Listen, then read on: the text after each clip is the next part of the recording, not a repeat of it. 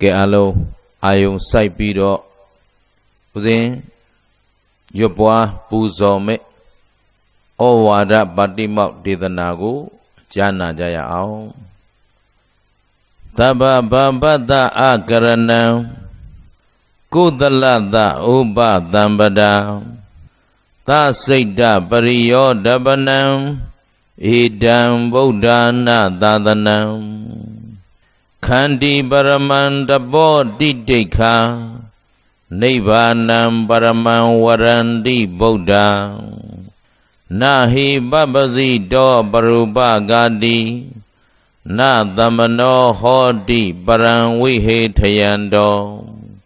အနုပဝါဒောအနုပဂါတောပါတိမောက္ခေသသံဝရောမတ္တင်ညုတာသဗတ္တသမိန် ပန္တင်သတယနာတနံအဓိစိတ်တေသအာယောကောဣဒံဗုဒ္ဓနာသာသနံသဗ္ဗပပတ္တအလုံးစုံသောအာကုသိုလ်ကိုယံအကရဏံအကျင်မပြုကျင့်ခြင်းသည်၎င်းကုသလတကုသိုလ်ကိုယာဥပတံပဒံ အကျင်ပြည့်စုံစေခြင်းသည်၎င်းယံသစိတ်တပရိယောဒပနံအကျင်မိမိစိတ်ကို ဖြူစင်စေခြင်းသည်၎င်းအဋ္ဌိရှိ၏ဣဒံဤအဆုံးမတရားတို့သည်ဗုဒ္ဓနံရှေးရှေးပွင့်တော်မူပြီးကြကုန်သော ရှင်တော်ဗုဒ္ဓမြတ်စွာဘုရားတို့၏သာသနံအဆုံးမတော်သည် တိတိခာသီခံခြင်းဟုဆိုအပ်သောခန္တီခန္တီသီခံခြင်းခန္တီသည်ပရမံမြတ်သောတပောအကျင့်သည်နိဗ္ဗာန်ကိလေသာမငြိမ်းအေးခြင်းနိဗ္ဗာန်ကိုပရမံမြတ်ဤဟု၍ဗုဒ္ဓနံမြတ်စွာဘုရားရှင်တို့သည်ဝရာမိဟောတော်မူကြကုန်၏ဝရန္တိဟောတော်မူကြကုန်၏ ပရုပဂာတိသူတစ်ပါးအသက်ကိုတပ်ဖြတ်လေရှိသောသူသည်ပပစီတော်ယဟံမြည်သည်ဝါဗုဒ္ဓဤတပိသာတာဝကမြည်သည်နာဟိဟောတိစင်စစ်မဖြစ်ပရံသူတစ်ပါးကိုဝိဟေထယံတော်ကိုစိတ်ပင်ပန်းအောင်ညင်ပန်းနှိမ့်ဆက်လေရှိသောသူသည်တမနော ယဟံမြည်သည်ဝါဗုဒ္ဓဤတပိသာသာဝကမြည်သည်ဝါစိတ်နှလုံးငြိမ်းအေးချမ်းသာသူမြည်သည်နာဟောတိမဖြစ်အနုပဝါဒောမစွတ်ဆွဲမကဲ့ရဲ့ခြင်းသည်၎င်းအနုပဂါတော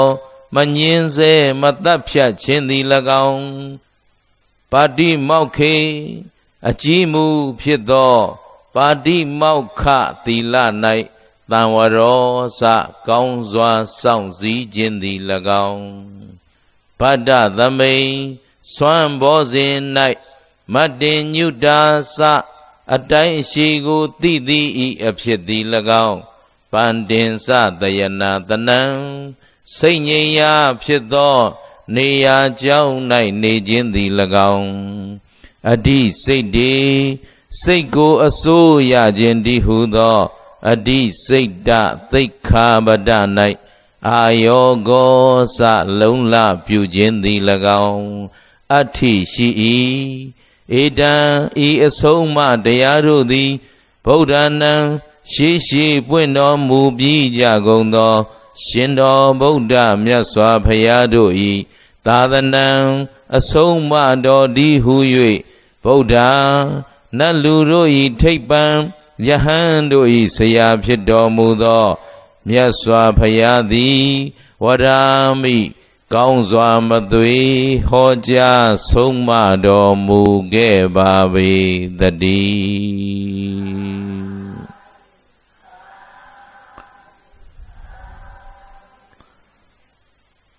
ကဲအလုံးဒီနေ့ညမင်္ဂလာရှိတဲ့ ညချမ်းပေါ့လေနော်တရားဓမ္မတွေဟောကြားနာကြားပြီးတော့ကုသိုလ်ယူကြမယ်အချိန်မှာဥစွာပထမသူတော်ကောင်းတို့ကြားနာလိုက်ရတဲ့ယခုဒေသနာဟာဩဝါဒပါတိမောက်ဒေသနာလို့ခေါ်တယ်။ဘာလဲလဲအဲဩဝါဒပါတိမောက်ဒေသနာအလုံးမှတ်ထားနော် ဩဝါဒဆိုတာကမြန်မာလိုဘာသာပြန်ရင်အဆုံးအမပါတိမောက်ဆိုတာကအကြည်အမူအရင်အမြင့်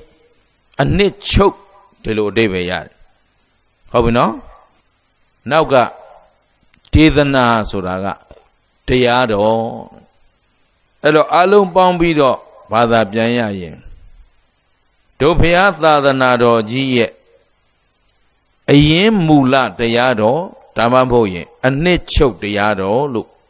အဓိပ္ပာယ်ရတယ်ဟုတ်ပြီနော်အဲ့တော့ဒီဒေသနာကိုဦးစင်းကဘာလို့သူတော်ကောင်းတို့ကိုဥစွာပထမရွတ်ဖတ်ပူဇော်ပြရသလဲယနေ့တို့မြန်မာနိုင်ငံပေါ့လေအထူးသဖြင့်ဗုဒ္ဓသာသနာကိုကူးကွယ်နေကြတဲ့ဒီနေ့ဗုဒ္ဓဘာသာနယ်ဝင် တော်တော်များများဟာ ဗုဒ္ဓဘာသာအဖြစ်ခံယူထားကြပင်မဲ့အခုလက်ရှိခံယူပွဲတွေလည်းကျင်းပနေကြတယ်ပေါ့ဒါပေမဲ့ဗုဒ္ဓအဆုံးအမကိုယခုလို့အရင်မူလကစပြီးတော့တိတိကြကြသိတဲ့လူနဲ့မသိတဲ့လူဘယ်ရင်းကများလဲဒါအားလုံးဝန်ခံတယ်နော်အဲ့တော့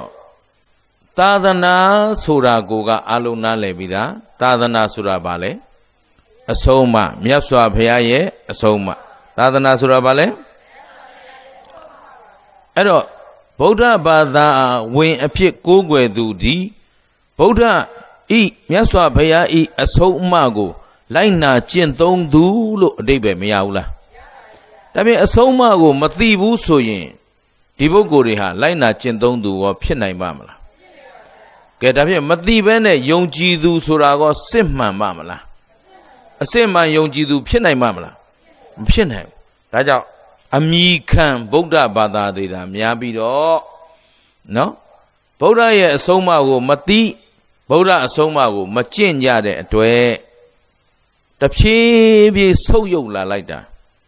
တို့မြန်မာနိုင်ငံကြီးကိုကြည့်ရင်နိုင်ငံရေးကြည့်လဲဗျံပါတာဟုတ်တယ်နော်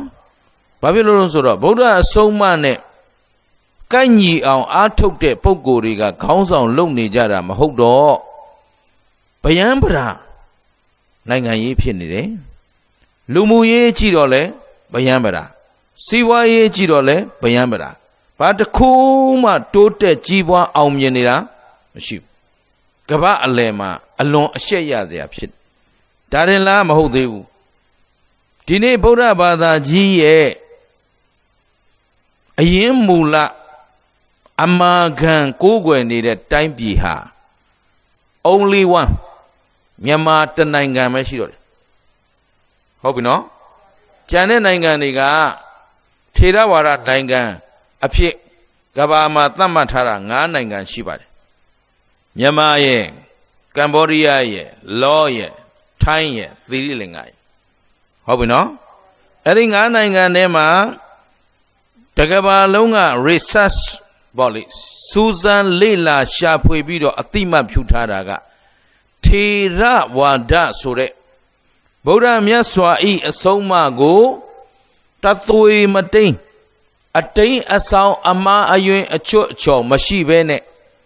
တိတိကျကျလိုက်နာကျင့်သုံးနေတာသည်မြန်မာတနိုင်ငံပဲရှိတော့တယ်လို့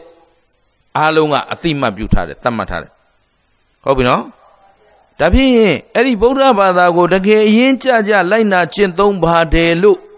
သတ်မှတ်ထားတဲ့မြန်မာနိုင်ငံကြီးကဒီနေ့အဖြေထုတ်ကြည့်လိုက်တော့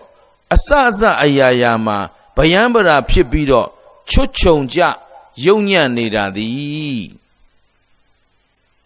ဗုဒ္ဓဘာသာကြောင့်လို့လက်ညှိုးထိုးเสียဖြစ်မလာဘူးလားဟုတ်ပြီနော်အားလုံးကဒီလိုလက်ညှိုးထိုးနေကြပြီ အဲ့တော့အခုဦးဇင်းကမေးကြည့်ပါဦးမယ်ငါတို့တွေအခုအစစအရာရာဗယံပရာဝယုံသုံးကားဖြစ်နေကြတာဗုဒ္ဓဘာသာကြောင့်လားဟမ်စီဝါရေးတွေချွတ်ချုံချလူမှုရေးတွေချွတ်ချုံချအဖက်ဖက်ကပေါ့လေကိုလူနေမှုအဆင့်တန်းဒါမင်းတို့ရွာမင်းတို့မြို့မင်းတို့အသိဆုံးပဲနော်ကိုရွာကြည့်လိုက်ရင်ရွာအဆင့်တန်းလည်းမမီဘူးအ ခုနာမည်တော့တတ်ထားပြီမြို့တဲ့နော်ကံတော်ကြီးမြို့ဖတ်တော့ငါလည်းမြို့ပဲဖတ်လိုက်ရတာပေါ့ကွာရေးထားတဲ့အတိုင်းဖတ်လိုက်ရတာကြည့်ရတော့ရွာအဆင့်ကိုမမီသေးဘူးဒီတော့ပြန်ကြည့်လိုက်အားလုံးအစစအရာရာဗျံပရာဖြစ်နေတာဗုဒ္ဓဘာသာကြောင့်များလားဟမ်ဟုတ်လားမဟုတ်လားဟမ်ခင်ဗျားတို့စကားလဲကျုပ်ကနားမလဲနော်ကျုပ်စကားလဲခင်ဗျားတို့နားမလဲ အဲ့တော့တိခံပြီးတော့နားထောင်ပေးပါနော်ဦးစင်းကတော့သူတော်ကောင်းတို့ပြောတဲ့စကားနဲ့ပြောချင်တယ်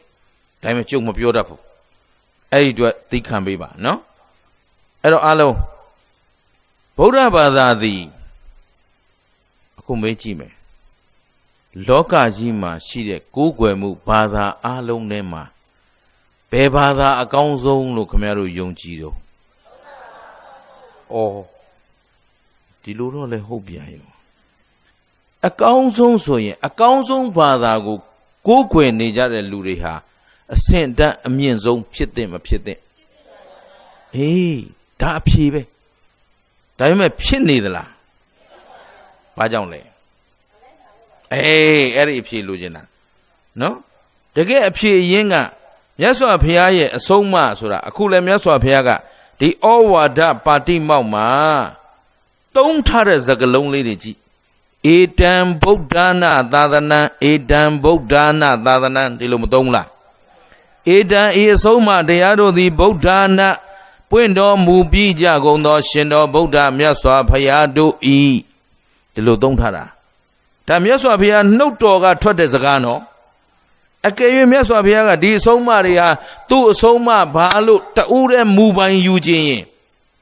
ဧတံမမ ဒီအဆုံးအမတွေကငါရဲ့အဆုံးအမပဲဟုတ်ပြီနော်ဧတံမယံဒါဟာငါပြောနေတာပဲဧတံအဟံအဟံငါဖရာဤဒါအဆုံးအမပဲသာသနာအဆုံးအမပဲလို့ဒီလိုပြောမှာအခုမြတ်စွာဘုရားငါအဆုံးအမလို့ပြောလားဖရာရှင်တိုင်းရဲ့အဆုံးအမလို့ပြောလားဒါဖြင့်ပို၍ပို၍အလေးအနက်ထားဖို့သင်မသင်ဒါကြောင့်ပါတိမောက်လို့ပြောတာပါတိမောက်ဆိုတာအကြီးမှုဟုတ်ပြီနော် အရင်အမြင့်အရင်မူလအနှစ်ချုပ်ဒီလိုပြောတာဟုတ်ပလားဒါဖြင့်ဒီအဆုံးအမကိုအလုံးသိဖို့လိုအပ်မလိုအပ်ဒါကြောင့်ဦးဇင်းကဒီနှစ်တရားပွဲရာသီအစဒီနှစ်ဆိုတာကသူတော်ကောင်းတို့လူမှုရေးအခေါ်တွေရအခုဒါ2015 2014ရဦးဇင်းတို့ဒီယာစီစခဲ့တယ်အဲ့တော့ဦးဇင်းတို့တန်ဃာတော်ဓမ္မဂရိကတွေရဲ့တရားပွဲယာစီဆိုတာသတင်းကျွတ်ကစတယ်နောင်ဝါဝင်အထိဆိုတော့ မြန်မာလိုလဲနှစ်ကူးတယ်အင်္ဂလိပ်လိုလဲနှစ်ကူးတယ်အဲ့တော့တရားပွဲတရားစီအစမှာဦးဇင်းစဟောကလေးကရင်တရားပွဲတိုင်းပွဲတိုင်းဒီဩဝါဒပါတိမောက်ကို ပူဇော်ပြီးမှတရားဟောတယ်ဟုတ်ပြီနော်ဘာကြောင့်လဲဆိုတော့အလွန်အရေးကြီးတဲ့အချိန်ကိုရောက်နေပြီနော်ဒီနေ့သာသနာရေးဘာသာတန်ဗုဒ္ဓဘာသာကြီးဟာအလွန်စင်ကြယ်စွာနဲ့လောကအကျိုးပြု သာသနာကြီးအစစ်အမှန်ဖြစ်ပါရဲ့ကနဲ့သာသနာရဲ့အနှစ်သာရကိုမသိသူတွေကသာသနာကိုခုတုံးလုံးပြီးတော့မိမိတို့လိုရာဆွဲပြီးအသုံးချနေကြတဲ့အတွက်သာသနာဟာဗျံပရာဖြစ်နေဟုတ်ပြီနော်အဲ့တော့သာသနာကိုအရင်ကြကြအားလုံးသိနိုင်ဖို့ဦးဇင်းတို့ကြိုးစားဖို့လိုအပ်နေပြီဒါကြောင့်အားလုံးဒီဩဝါဒပါတိမောက်ဒေသနာကိုပဲဦးဇင်းတို့ဒီနေ့ အ내ပြန်ပြီးတော့နားလည်ကြည့်ရအောင်နော်သဗ္ဗပပတ္တအကရဏံသဗ္ဗအလုံးစုံသောပပတ္တမကောင်းမှုမှန်သမျှတို့ကိုအကရဏံမပြုတ်နဲ့မကျင့်နဲ့မကောင်းမှုအကုသိုလ်မှန်သမျှမလုပ်ကြနဲ့မပြောဘူးလားမကောင်းမှုအကုသိုလ်မှန်သမျှမလုပ်ကြနဲ့ဘု து ဆုံးမလဲဒီနေရာလဲကံထောင်ကြီးမြို့သူမြို့သားတွေဖြစ်ပြီးဖြစ်တဲ့အတွက် ဒီထက်ဒီထက်ပိုပြီးတော့ယဉ်ကျေးဖို့လိုအပ်လာပါပြီအဆင့်တန်းမြင့်ဖို့လိုအပ်လာပါပြီအဲ့တော့ဖရာအဆုံးမဖရာအဆုံးမလို့ပေါ့ပေါ့တန်တန်ပစ္စလက်ခအောက်တန်းစားတွေရဲ့အသုံးနှုံးနဲ့မသုံးကြဘဲနဲ့နော်ဒီနေ့မြို့သူမြို့သားတွေပြီးပြီးအဆင့်မြင့်မြင့်သုံးအောင်မြတ်စွာဘုရားရဲ့အဆုံးအမလို့ပြောဘယ်လိုပြောမလဲ မကောင်းမှုမှန်သမျှမလောက်ကြနဲ့လို့ပြောတာဘယ်သူအဆုံးမလဲအေးမြတ်စွာဘုရားဆိုတာတဆူရဲလားဘုရားရှင်တိုင်းဘုရားရှင်တိုင်းကိုပြောတာလားအခုဒီသစ္စာလေးပါးသိတဲ့တပ်ပိညုတဉာဏ်ရှင်ဗုဒ္ဓဘုရားရှင်တဲ့လောကမှာမြင့်မြတ်တဲ့ပုဂ္ဂိုလ်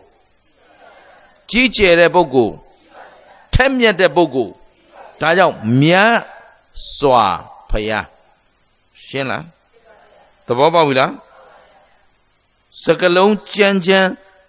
ရုပ်ညံ့တဲ့စကလုံးသုံးတယ်ဆိုတာအောက်တန်းစားလူယုတ်မာရီရဲ့အသုံးမြင့်မြတ်သောအသုံးတုံးယဉ်ကျေးသောအသုံးတုံးအဆင့်တန်းရှိသောအသုံးတုံးဆိုတာအထက်တန်းကြတဲ့ပုံကိုယ်တွေမှသုံးနိုင်တာဒါကြောင့်ဘု து အဆုံးမလဲအဲဒါမြို့ကြီးသားပိသလာပြီမြို့လိုတက်ချင်းမြို့ကုန်းနဲ့ညီအောင်ယဉ်ကျေးရမှာပေါ့သဘောပါသလားကျင်납ပြီနော်ဒါဖြင့်ဘု து အဆုံးမလဲ ကောင်းပြီအဲ့တော့မကောင်းမှုအကုသိုလ်မှန်သမျှမလောက်ကြနဲ့သူများအသက်တတ်တာကောင်းတယ်လို့လားမကောင်းတယ်လို့လားကုသိုလ်လားအကုသိုလ်လားမြို့ကြီးသားနိုင်ငံကြီးသားဘာသာကြီးကိုကိုးကွယ်နေတဲ့ပုဂ္ဂိုလ်တွေမှန်ရင်သူများသက်သူတစ်ပါးမပေးသောပစ္စည်းမယူပါနဲ့သူများသားမရအဲသားပြိုသမီးပြိုအစပြီးသူများလင်သားသူများမရမကျူးကျော်ပါနဲ့ ဟုတ်ပြီလားဟဲ့နောက်မှုသားမပြောနဲ့ဂုံးတိုက်တဲ့စကားရိုင်းဆိုင်ကြမ်းတမ်းယုံညံ့တဲ့စကားဟုတ်ပြီသိမ်ဖြင်းပေါ့ပြက်သောစကားကုသိုလ်လားအကုသိုလ်လားရှောင်ပြအောင်ရှောင်မယ်နောက်တစ်ချက်အဘိဇ္ဇာသူတော်ဘာစည်းစိမ်ကိုကိုယ်စည်းစိမ်ဖြစ်အောင်ကြံစီခြင်းသည် ကုသိုလ်လားအကုသိုလ်လားမြင့်မြတ်သူတို့ရဲ့အလုတ်လားယုံညံ့သူတို့ရဲ့အလုတ်လား ဘယ်တော့မှမကြံပါနဲ့သူတော်ဘာအကျိုးစီးပွားပြက်ပြားအောင်ကြံစီခြင်းပြုမှုခြင်းဟာမြင့်မြတ်သူတို့အလုတ်လားယုံညံ့သူတို့အလုတ်လားကုသိုလ်လားအကုသိုလ်လားအဲ့တော့သူတော်ဘာပျက်စီးမဲ့အရေးကိုဘယ်တော့မှကြံလဲမကြံနဲ့ပြောလဲမပြောနဲ့လှုပ်လဲမလှုပ်နဲ့ရှင်းမလားနောက်ဆုံးမိစ္ဆာဒိဋ္ဌိလောကကြီးကိုဖန်ဆင်းရှင်ကဖန်ဆင်းထားတာလားကံတရားက အကျိုးပြုနေတာလားတဗေတ္တကမ္မတကဟုတ်ကဲ့လားကောင်းတဲ့ကံလုပ်ရင်ကောင်းတဲ့အကျိုးပေးမယ်မကောင်းတဲ့ကံလုပ်ရင်ယုံသလားဘယ်တော့မှမမိတ်လိုက်ပါနဲ့ဟုတ်ပြီနော်လောကမှာဖန်ဆင်းရှင်ဆိုတာလဲတကိုးရှင်ဆိုတာလဲကဲတင်ရှင်ဆိုတာလဲ ဘယ်သူကိုဘယ်သူအကွာမှာမိမိပြုတဲ့ကံတရားစီတာမိမိရဲ့အကျိုးပေးဖြစ်တယ်ဒါသမာဓိဋ္ဌိလမ်းကြောင်းရှင်းသလားလွဲမားတဲ့ယုံညံ့တဲ့ကိုးကွယ်မှုတွေနဲ့အချိန်မကုန်ပါစေနဲ့ကျင်납ပြီလားဟဲ့ဒါကြောင့်မကောင်းမှုမှန်သမျှမလောက်ကြနဲ့ပြန်ပြောဟုတ်ပြီကိုသလန်သာဥပသံပရာကုသိုလ်ကောင်းမှုမှန်သမျှကိုလှုပ်ဖြစ်အောင်လှုပ်လို့သင်မထားဘူးလား သင်ထားတယ်ဥစဉ်ကအဲ့ဒါလေးကိုဒီနေ့တစ်မျိုးဖြည့်ဆွတ်ပြီးတော့မှတ်လိုက်ကုသလသာကုသိုလ်ကိုယာဥပသံပဒအကျင်ပြည့်စုံစေခြင်းသည်၎င်းတဲ့ဟောဟုတ်ပြီနော်ရှေးရှေးဆရာမြတ်တွေကဘယ်လိုသုံးလဲဆိုတော့ကောင်းမှုကုသိုလ်ကိုပြည့်စုံစေရမယ်တဲ့အဲ့တော့လှုပ်ဖြစ်အောင်လှုပ်ဆိုတာဘယ်လိုလုပ်မလဲပြည့်စုံအောင်လှုပ်ကောင်းမှုကုသိုလ်ကိုပြန်ပြော ပြည့်စုံအောင်လုပ်ရမယ်အဲ့တော့ခုသူတော်ကောင်းတို့ဦးဇင်းတို့အတွက်ကုကုသိုလ်ကောင်းမှုတွေလိုအပ်မလိုအပ်အဲကိုရာသေးဦးတို့အေးတယ်သူများတွေစောင်းချုံပြီးအိမ်ထဲမှာကိုယ်နေတဲ့အချိန်ခင်ဗျားတို့အပြင်ထွက်ပြီးတရားနာနေတယ်ပါလို့ခြင်းလို့တော့ကုသိုလ်လိုခြင်းလို့ဟုတ်ကလားကုသိုလ်ကောင်းမှုတွေလိုအပ်နေသေးလို့လုပ်နေရတာပေါ့ဒါဖြင့်သူတော်ကောင်းတို့ကောင်းမှုကုသိုလ်တွေကိုဖြည့်ဆည်းနေကြဖို့လိုအပ်မလိုအပ်အဲ့တော့တို့ကောင်းမှုကုသိုလ်တွေဘယ်တော့ပြည့်မလဲ ဘယ်တော့မှမပြည့်ရင်ဘာမှမလုပ်ကြနဲ့တော့ကောင်းမှုကုသိုလ်ပြည့်စုံအောင်လုပ်လို့မဆိုထားဘူးလားဒါဖြင့်ပြည့်နိုင်လို့လားမပြည့်နိုင်လို့လားပြေးနိုင်လို့ပြေးစုံအောင်လုပ်လို့ပြောတာပေါ့ဒါဖြင့်ဘယ်တော့ပြေးမလဲ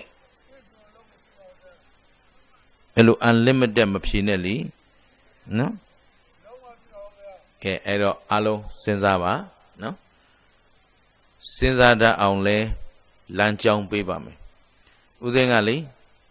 အဲ့လိုမေးခွန်းလေးတွေမေးလိုက်လို့ဒီဦးစင်းရှေ့မှောက်ကို ရောက်လာတဲ့တရားဓမ္မတွေမှန်မှန်ကန်ကန်မဖြေနိုင်ဘူးမဖြေတတ်ဘူးဆိုရင်ပလင်ဘောကနေသိရှက်တာတပည့်မကောင်းထတောင်ပြေးကျင်လာပြီမပြေးနိုင်လို့တကယ်တကယ်တကယ်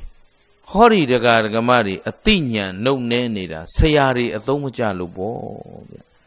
အဲ့တော့ဘယ်ဆရာမှမပြောပါဘူးသူ့မင်္ဂလာကိုကိုကိုပဲအပြစ်တင်ပါတယ်နော်ငါဓမ္မကတိကတာဝန်ယူထားတာဖရာရဲ့သားတော်တစ်ပါးအနေနဲ့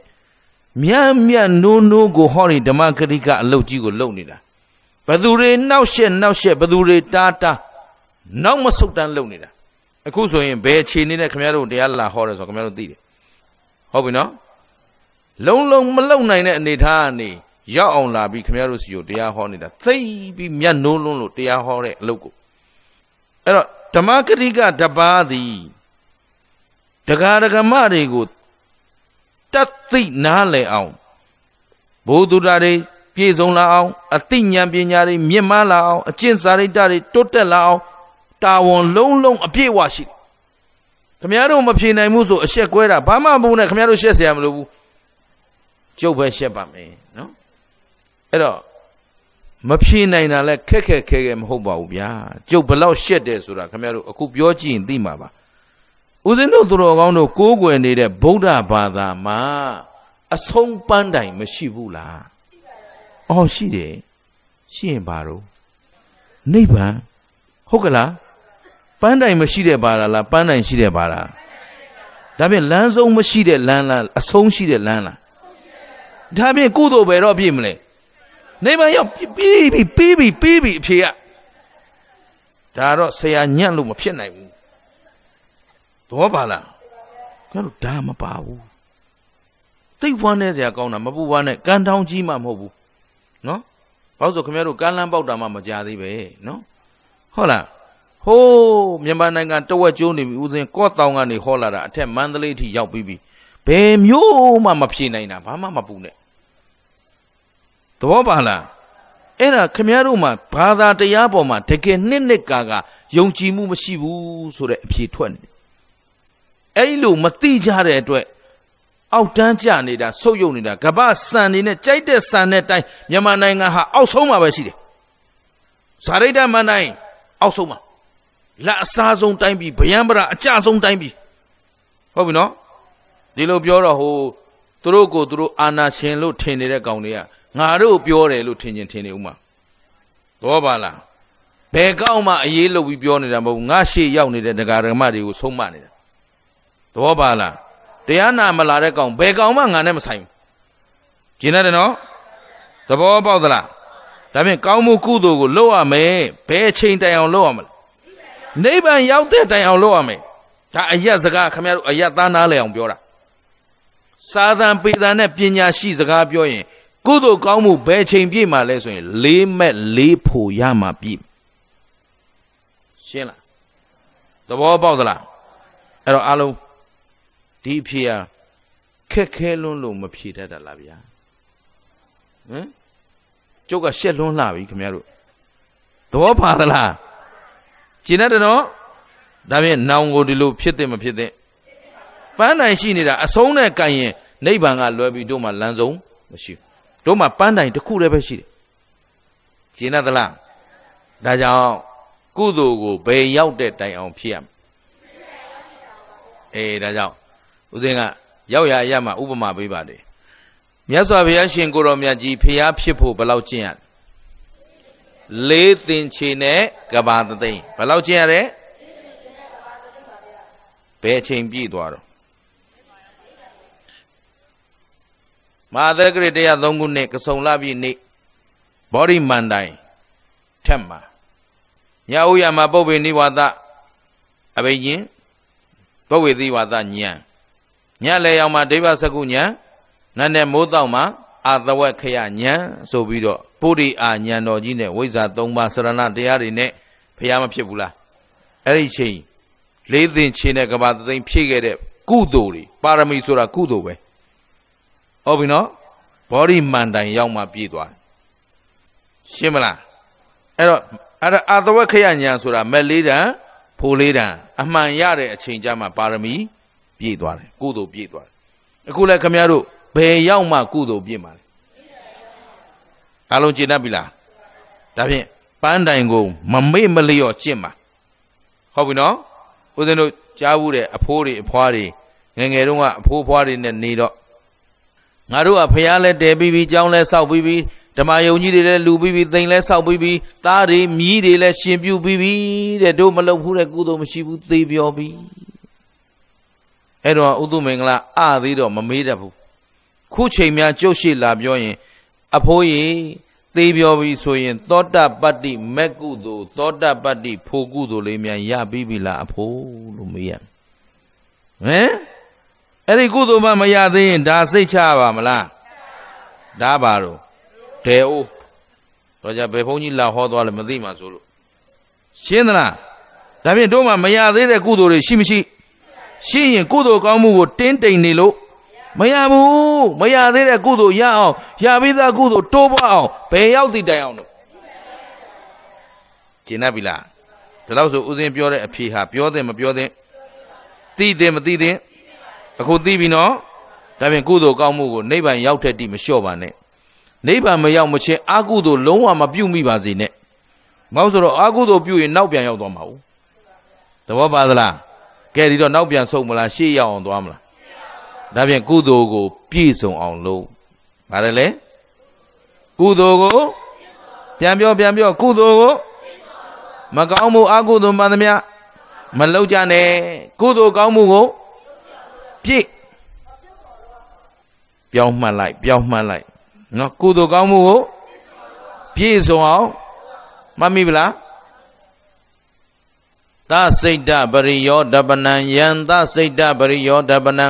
အကျင်မိမိစိတ်ကို ဖြူစင်စေခြင်းသည်၎င်းတဲ့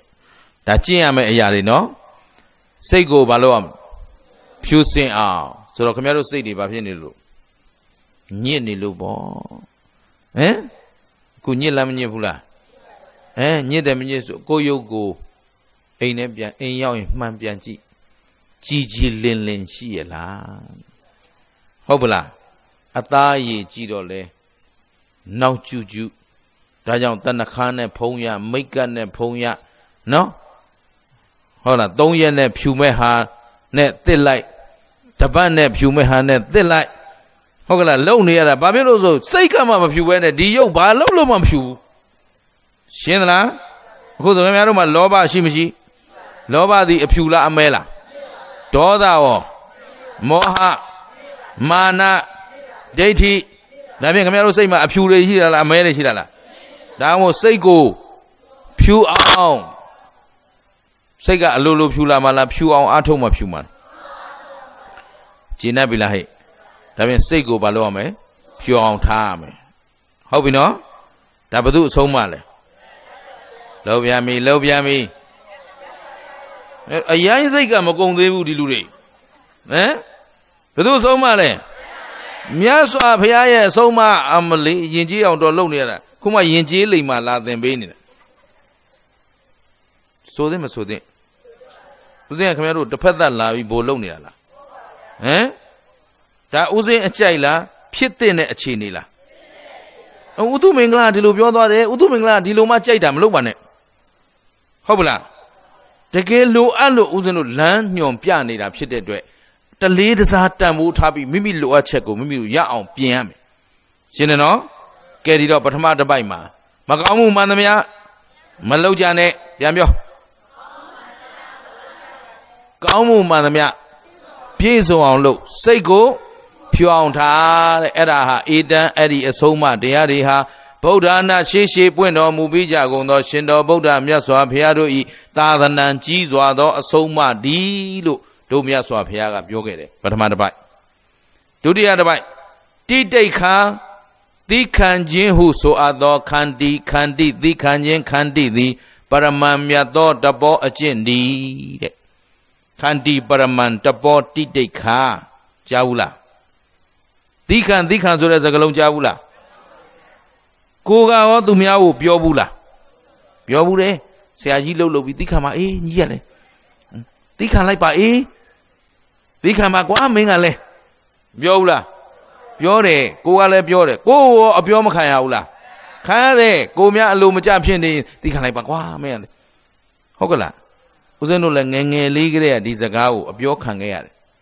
အပြောခံခဲ့ရတော့သီခံဆိုတဲ့စကားလုံးလေးကိုဦးဇင်းမေတော်ခမဲတော်ကပြောတဲ့အခါမှာဦးဇင်းကမေကွန်းပြန်မေးခဲ့တယ်မေကွန်း၃မျိုးသီခံသီခံနဲ့ပြောနေကြတာဘာကိုသီခံရမှာလဲတစ်ချက်ဟုတ်ပြီနော်ဒီမှာဦးဇင်းရှေ့မှာဦးဇင်းတဲ့အသက်သိခါဝါကြီးတဲ့ပုဂ္ဂိုလ်တွေပညာရှိကြီးတွေပါတော့ဦးဇင်းကဒါကျေးဇူးပြုပြီးတော့ပြန်ပြီးခင်ဗျားတို့မေးရမှာ ဘာကိုသီခံရမှာလဲနောက်ဘယ်လိုသီခံရမှာလဲဟုတ်ပြီနော်ဘလောက်ထိသီခံရမှာလဲမေးခွန်းဘယ်နှခုလဲတစ်ကဘာကိုသီခံရမှာပြန်ပြောပြန်ပြောနှစ်ကဘယ်လိုသီခံရမှာလဲနော်သုံးဘယ်လောက်ထိသီခံရမှာလဲအဲ့ဒီမေခွန်းသုံးခုရှိလာပါတယ် အဲ့ဒါကိုဒုဒကဓမ္မတွေကကျေးဇူးပြုပြီးဥဒုမင်္ဂလငယ်ငယ်ရွယ်ရွယ်နဲ့မသိတတ်လို့ဒီအဖြေလေးဖြေပေးကြပါဘယ်လိုကြပါဦးဒီသီခံဆိုတဲ့စကားလုံးမသုံးဘူးလားမကြားဘူးလားမပြောဘူးလားအပြောမခံဘူးလားကို့ပြောခံရတယ်မေးလိုက်လေဘာလို့သီခံမလဲမဲမဲမဲမဲ အဲ့ဒါလဲအရှက်ကွဲခြင်းကွဲရင်ဘယ်သူပဲကွဲမှာတော့ဥဒုမင်္ဂလပါပဲကဲထားလိုက်တော့ဥစဉ်နားလေသလိုပြောကြည့်မယ်နော်မကျေနပ်ရင်ပြန်ပြောနိုင်တယ်နော်ကျေနပ်ရင်လဲဘဝတက်တက်တာစွဲစွဲမြဲမြဲမှတ်ယူသွားပါဦးဇင်းကအဖြေရှာကြည့်ပါတယ်မေးပါတယ်ဦးဇင်းအိမ်ကိုကြွကြွလာတဲ့ဆရာတော်တန်ဃာတော်တွေ လေးငါးပါးအမြဲတမ်းခမဲတော်ကြီးနဲ့တရားဆွေးနွေးကြတော့သူမင်္ဂလာကစစ်စစ်ပေါက်မေးတတ်တယ်ဒါကြောင့်သူတို့တရားဆွေးနွေးတိုင်းသူမင်္ဂလာကိုအဝေးကိုမောင်းထုတ်ပါတယ်သွားအိတ်ချီတဲ့ကလေးအရာမဟုတ်ဘူးနော်အဲ့တော့သူတို့လည်းမဖြေပေးပါဘူးကိုယ့်အကိုရှာတာပါအဲ့တော့ဦးစင်းဖြေတွေ့ထားတဲ့အရာလေးကိုသူတော်ကောင်းတို့ကိုပြောကြည့်မယ်ပြောကြည့်မှာနော်ဆရာလုံးမှာမဟုတ်ဘူးပြောကြည့်မှာအဲ့တော့ဦးစင်းအနေနဲ့ အဖြေရှာလိုက်တော့ငါတို့တွေနေတိုင်းရင်ဆိုင်နေရတဲ့ပြဿနာတွေရှိမရှိရှိတယ်နေတိုင်းဘဝတိုင်းတန်တရားတစ်လျှောက်လုံးမလွဲမသွေငါတို့ရင်ဆိုင်နေရတာရှိတယ်အဲ့ဒါဘာလဲဆိုတော့လောကရန်တရား၈ပါးပါတယ်လေဒါနေ့တိုင်းမရင်ဆိုင်ရဘူးလားကုံကုံပြောရင်မြတ်စွာဘုရားရှင်ကိုတော်မြတ်ကြီးတောင် ပရိနိဗ္ဗာန်မဆံမချင်းဟမ်လောကရန်ကလွတ်ရလားဒါဖြင့်တတ္တဝါတွေမလွဲမသွေအမြဲတမ်းရင်ဆိုင်ဖြည့်ရှင်းနေရတာကလောကရန်တရား၈ပါးလာဘောအလာဘောရာသောအရာသောနေနာပတန်တာဒုက္ခံဒုက္ခံဆိုတဲ့ပြဿနာတွေမရှိဘူးလားအဲ့ဒီပြဿနာတွေကိုသိခံရမယ်ဟုတ်ပြီနော် သိခံသိခံဆိုတာဘာကိုသိခံရမလဲဆိုတဲ့အဖြေသည်လောကရန်၈ပါးပြန်ပြောဟုတ်ပြီနော်ဒါဥစဉ်ထုတ်ထားတဲ့အဖြေနော်လောကရန်၈ပါးကိုဘာကြောင့်သိခံရမှာလဲဘယ်လိုသိခံရမှာလဲလောကရန်၈ပါးကြုံတဲ့အခါဆိုတော့အခုလာဘောလက်လာပါရလာတဲ့အခါလက်ပေါ်များလာတဲ့စီးပွားဥစ္စာဖြစ်လာပြီဆိုရင်လူတွေပါဖြစ်တတ်တော့အဲနော် လက်လာပါပေါ်များလာပြီဆိုတာနဲ့ပထမအဦးဆုံးဖြစ်လာတာကနံပါတ်1ကိုကျင်တရားတွေပြက်လာဘာပြက်လာလဲစီဝါရေးလည်းနည်းနည်းဖြစ်လာရင်လင်ကမယငယ်နေလာတယ်မယားကလင်ငယ်နေလာတယ်ဟမ်ဖြစ်လားမဖြစ်ဘူးလားကိုကျင့်နေမပြတ်ဘူးလားယာရူးလေးနည်းနည်းတက်လာရင် ဟမ်သဘောပါလားအဲ့တော့လက်လာပါပေါ်များလာရင်အူးဆုံးဘာဆုံးရှုံးတတ်တယ်လဲဘာပြည့်စည်တတ်တယ်လဲဆိုရင်သီလသမာဓိပညာအကျယ်ချဲ့နေရင်သိကြနေမှာဆိုလို့ဟုတ်ပြီနော်အဲ့တော့လောကရဲ့အနှစ်သာရရောဘာတုံးလို့မေးရင်သီလသမာဓိပညာသူတော်ကောင်းတို့အခုလူကိုလူလို့ခေါ်နိုင်တာလူသီလမရှိဘဲနဲ့လူလို့ခေါ်လို့ရမလား လူသမာဓိမရှိဘဲနဲ့လူသမာဓိဆိုတာခင်ဗျားတို့လူဆိုရင်လူကျင့်ဝတ်တိုင်းအမေအမနှမမရှိဘူးလားသူများမရကိုမရသူ့လင်ကိုလင်စီကံကျင့်ဝတ်တွေမရှိဘူးလားအဲ့ဒီအတွက်စိတ်သမာဓိကိုစောင့်ထိန်နိုင်ရမယ်ဟမ်သူ့အိမ်ကိုအိမ်သူ့အိမ်ရကိုအိမ်ရရှိဘူးလားတလိ္ဆာမှာရှိသလားတလိ္ဆာမှာအဲ့သမာဓိလိုသလားအခုခင်ဗျားတို့ဘဝတစ်လျှောက်လုံးဒီသမာဓိထိမ့်ဖို့လိုအပ်မလို့อ่ะ အေးအဲ့ဒီတမာရီပြတ်တဲ့ချိန်ဘဝပြတ်တဲ့ချိန်ပဲရှင်းလားဒါဖြင့်လူဘဝရဲ့အနှစ်သာရသီလတမာရီပညာတူတူပါပဲယဟန်ဘဝရဲ့အနှစ်သာရဟာလဲဒီဟုတ်ပလားအဲ့တော့သီလပြည့်ရင်ဘဝပြည့်ပြီယဟန်သီလမရှိရင်ယဟန်လို့ပြောလို့လူသီလမရှိရင်လူလို့ပြောလို့ဒါဖြင့်အဆုံးရှုံးအနှစ်နာဆုံးဟာဘာတွေလဲဆိုရင်သီလ တမာတိပညာအဲ့တော့လောကရန်ရိုက်ခတ်လာတဲ့အခါတချို့ကလက်ပေါ်များလာရင်ကိုကျင်တရားပြက်လာတယ်ဆိုတာသီလတမာတိပညာပြက်လာတယ်တချို့ကဥစ္စာဒနာမွဲတေနေလို့သီလဟောဥပမတောင်းတော့ဥမတောင်းတဲ့လူကြတော့လဲသဘောပါလား ဦးဇင်းကတော့အခုတွေ့နေရတဲ့ဥပမာအလွယ်ဆုံးလေးတစ်ခုပြောပြမယ်ဒီကောင်လေးကဘွဲရလေးပညာတတ်လေးတော်လိုက်တာရက်သေးရွာထဲမှာပရိဒအလုတ်တွေလည်းလုတ်တယ်နာမှုကူညီရေးဆိုလဲသူပါတယ်သာမှုကူညီရေးဆိုလဲသူပါတယ်မလေးဖင်လဲပေါ်တယ်တိတ်တော်တာပဲဆိုပြီးအုတ်ချုပ်ရည်မှုခန့်လိုက်နှစ်ပတ်မကြောက်သဘောပါလားအဲ့ဒါလာဘောပဲရှင်းသလားလက်ရရင်လည်းသီလသမာဓိပညာမပြတ်ဘူးလား လက်မရှိတော့လဲသီလသမာဓိပညာမပြတ်ဘူးလားရသောအရသောအချွေရများရင်တစ်မျိုးချွေရနဲရင်တစ်မျိုးတချို့ကအုပ်စုဖွဲ့ပြီးအနိုင်ကျင့်နေတာတွေတပုံကြီးပဲဟမ်အုပ်စုလေးတောင်းလာရင်ကြီးနိုင်ငယ်ချင်းမလုပ်ဘူးလားလုပ်ရင်သီလပြတ်မပြတ်သီလပြတ်ရင်သမာဓိရောပညာရောသီလပြတ်ပြီဆိုကြတဲ့ပညာရှိလို့လားမရှိလို့လားပညာမရှိလို့အသုဒ္ဓသီလောဒုတ်ပညောတယ်မြတ်စွာဘုရားတခွန်းနဲ့ပြောရတယ် ဘာမှလျှောက်ပြောမနေပညာရှိသတိဖြစ်ခဲ့မဟုတ်ဘူးပညာမရှိလို့ကိုသီလပြတ်တာရှင်းမလားသဘောပေါက်ပြီလားဒါဖြင့်သီးခံရမှာဘာလို့သီးခံရမှာလောကရန်တရား၈ပါးပြန်ပြောဟုတ်လားမဟုတ်ဘူးလားလိုက်ရလို့လဲကိုကျင်တရားမပြတ်စေနဲ့လက်လာပါမရှိလို့လဲကိုကျင်တရားမပြတ်စေနဲ့စီးပွားပြက်လို့ဘဝမပြတ်ဘူးသီလပြက်မှကျင်သလား ချွေရံများလို့လဲသီလမပြတ်စေနဲ့တယောက်ထဲမို့လို့လဲတယောက်ထဲမို့လို့အရှုံးပေးလိုက်ရတာတွေမလို့ချင်ပါဘူးတို့ကတော့တကောင်နဲ့လည်းခံချမှာပဲဘောပါလားမမှန်ဘူးထင်လို့တော့ဘယ်သူမှကြည့်မဆိုင်ဘူးရှင်းတယ်နော်တယောက်ထဲမို့လို့အားနေလို့အရှုံးပေးလိုက်ရတယ်ဆိုတော့သူမင်္ဂလာမှာမရှိသေးဘူးကျင်းရလားသဘောပေါက်သလားအခုဝိုင်းနိုင်ကျင့်နေတာပဲသူမင်္ဂလာတကောင်နဲ့ပဲကြောက်ပါဘူး ကိုတရားပြက်သွားမှာပဲကြောက်တယ်ဘသူဘက်မှလိုက်ပေးစရာအကြောင်းရှိရှင်းလားသဘောပေါက်သလားရသောအရာသောနေနံပတန်တာချီးမွမ်းခံရလို့လဲပြောင်းလဲမသွားနဲ့ကဲ့ရဲ့ခံရလို့လဲပြောင်းလဲမသွားနဲ့ရှင်းမလားချမ်းသာလာလို့လဲကိုချင်းမပြတ်စေနဲ့ဆင်းရဲသွားလို့လဲကိုချင်းမပြတ်စေနဲ့ကဲဒါအရေးကြီးလားမကြည့်ဘူးလား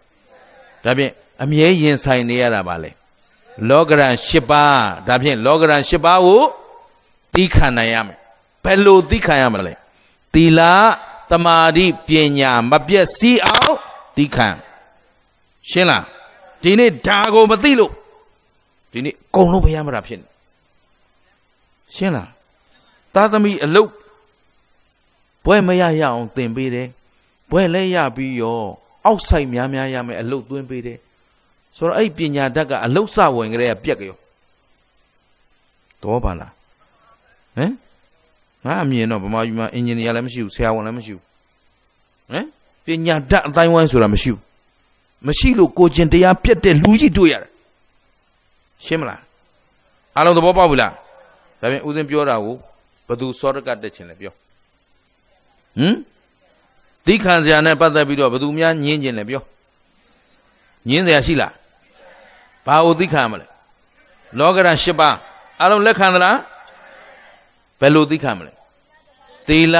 သမာဓိပညာမပြည့်စည်အောင်သိခံရမယ်ပြန်ပြောအဲအဲ့ဒီတိုင်းညီညီညွတ်ညွတ်လေးအဖြေလိုချင်တာနော်။နှက်ပြန်လဲဒါပဲထပ်မေးမှာဟုတ်ပလားအဲ့တော့နှက်ပြန်မပြောနဲ့ခဏနေထပ်မင်းကိုသီလသမာဓိပညာငန်းငန်းငန်းငန်း ငါတို့ဗမာတွေအကျင့်ကကျုပ်ကသိပြီးသားအဲ့တော့သေချာသင်ပေးထားတာစနစ်တကျဖြည့်ပြန်ပြောကြည့်အောင်သီလသမာဓိပညာမပြည့်စည်အောင်သီးခံရပါမယ်ဖခင်ကဲသီးခံပုံသီးခံနီးရောပါမသွားဘူးလားနောက်ဆုံးမေးခွန်းရဲ့အဖြေကိုတော့သူတော်ကောင်းတို့သိပြီးဖြစ်ပါလိမ့်မယ်ဖြေနိုင်ပါလိမ့်မယ်ဘလောက်အထိသီးခံရမလဲအော်မလီတော်လိုက်တာကန်းအောင်ကြီးဒါကြောင့်မြို့ဖြစ်တာ သဘောပါသလား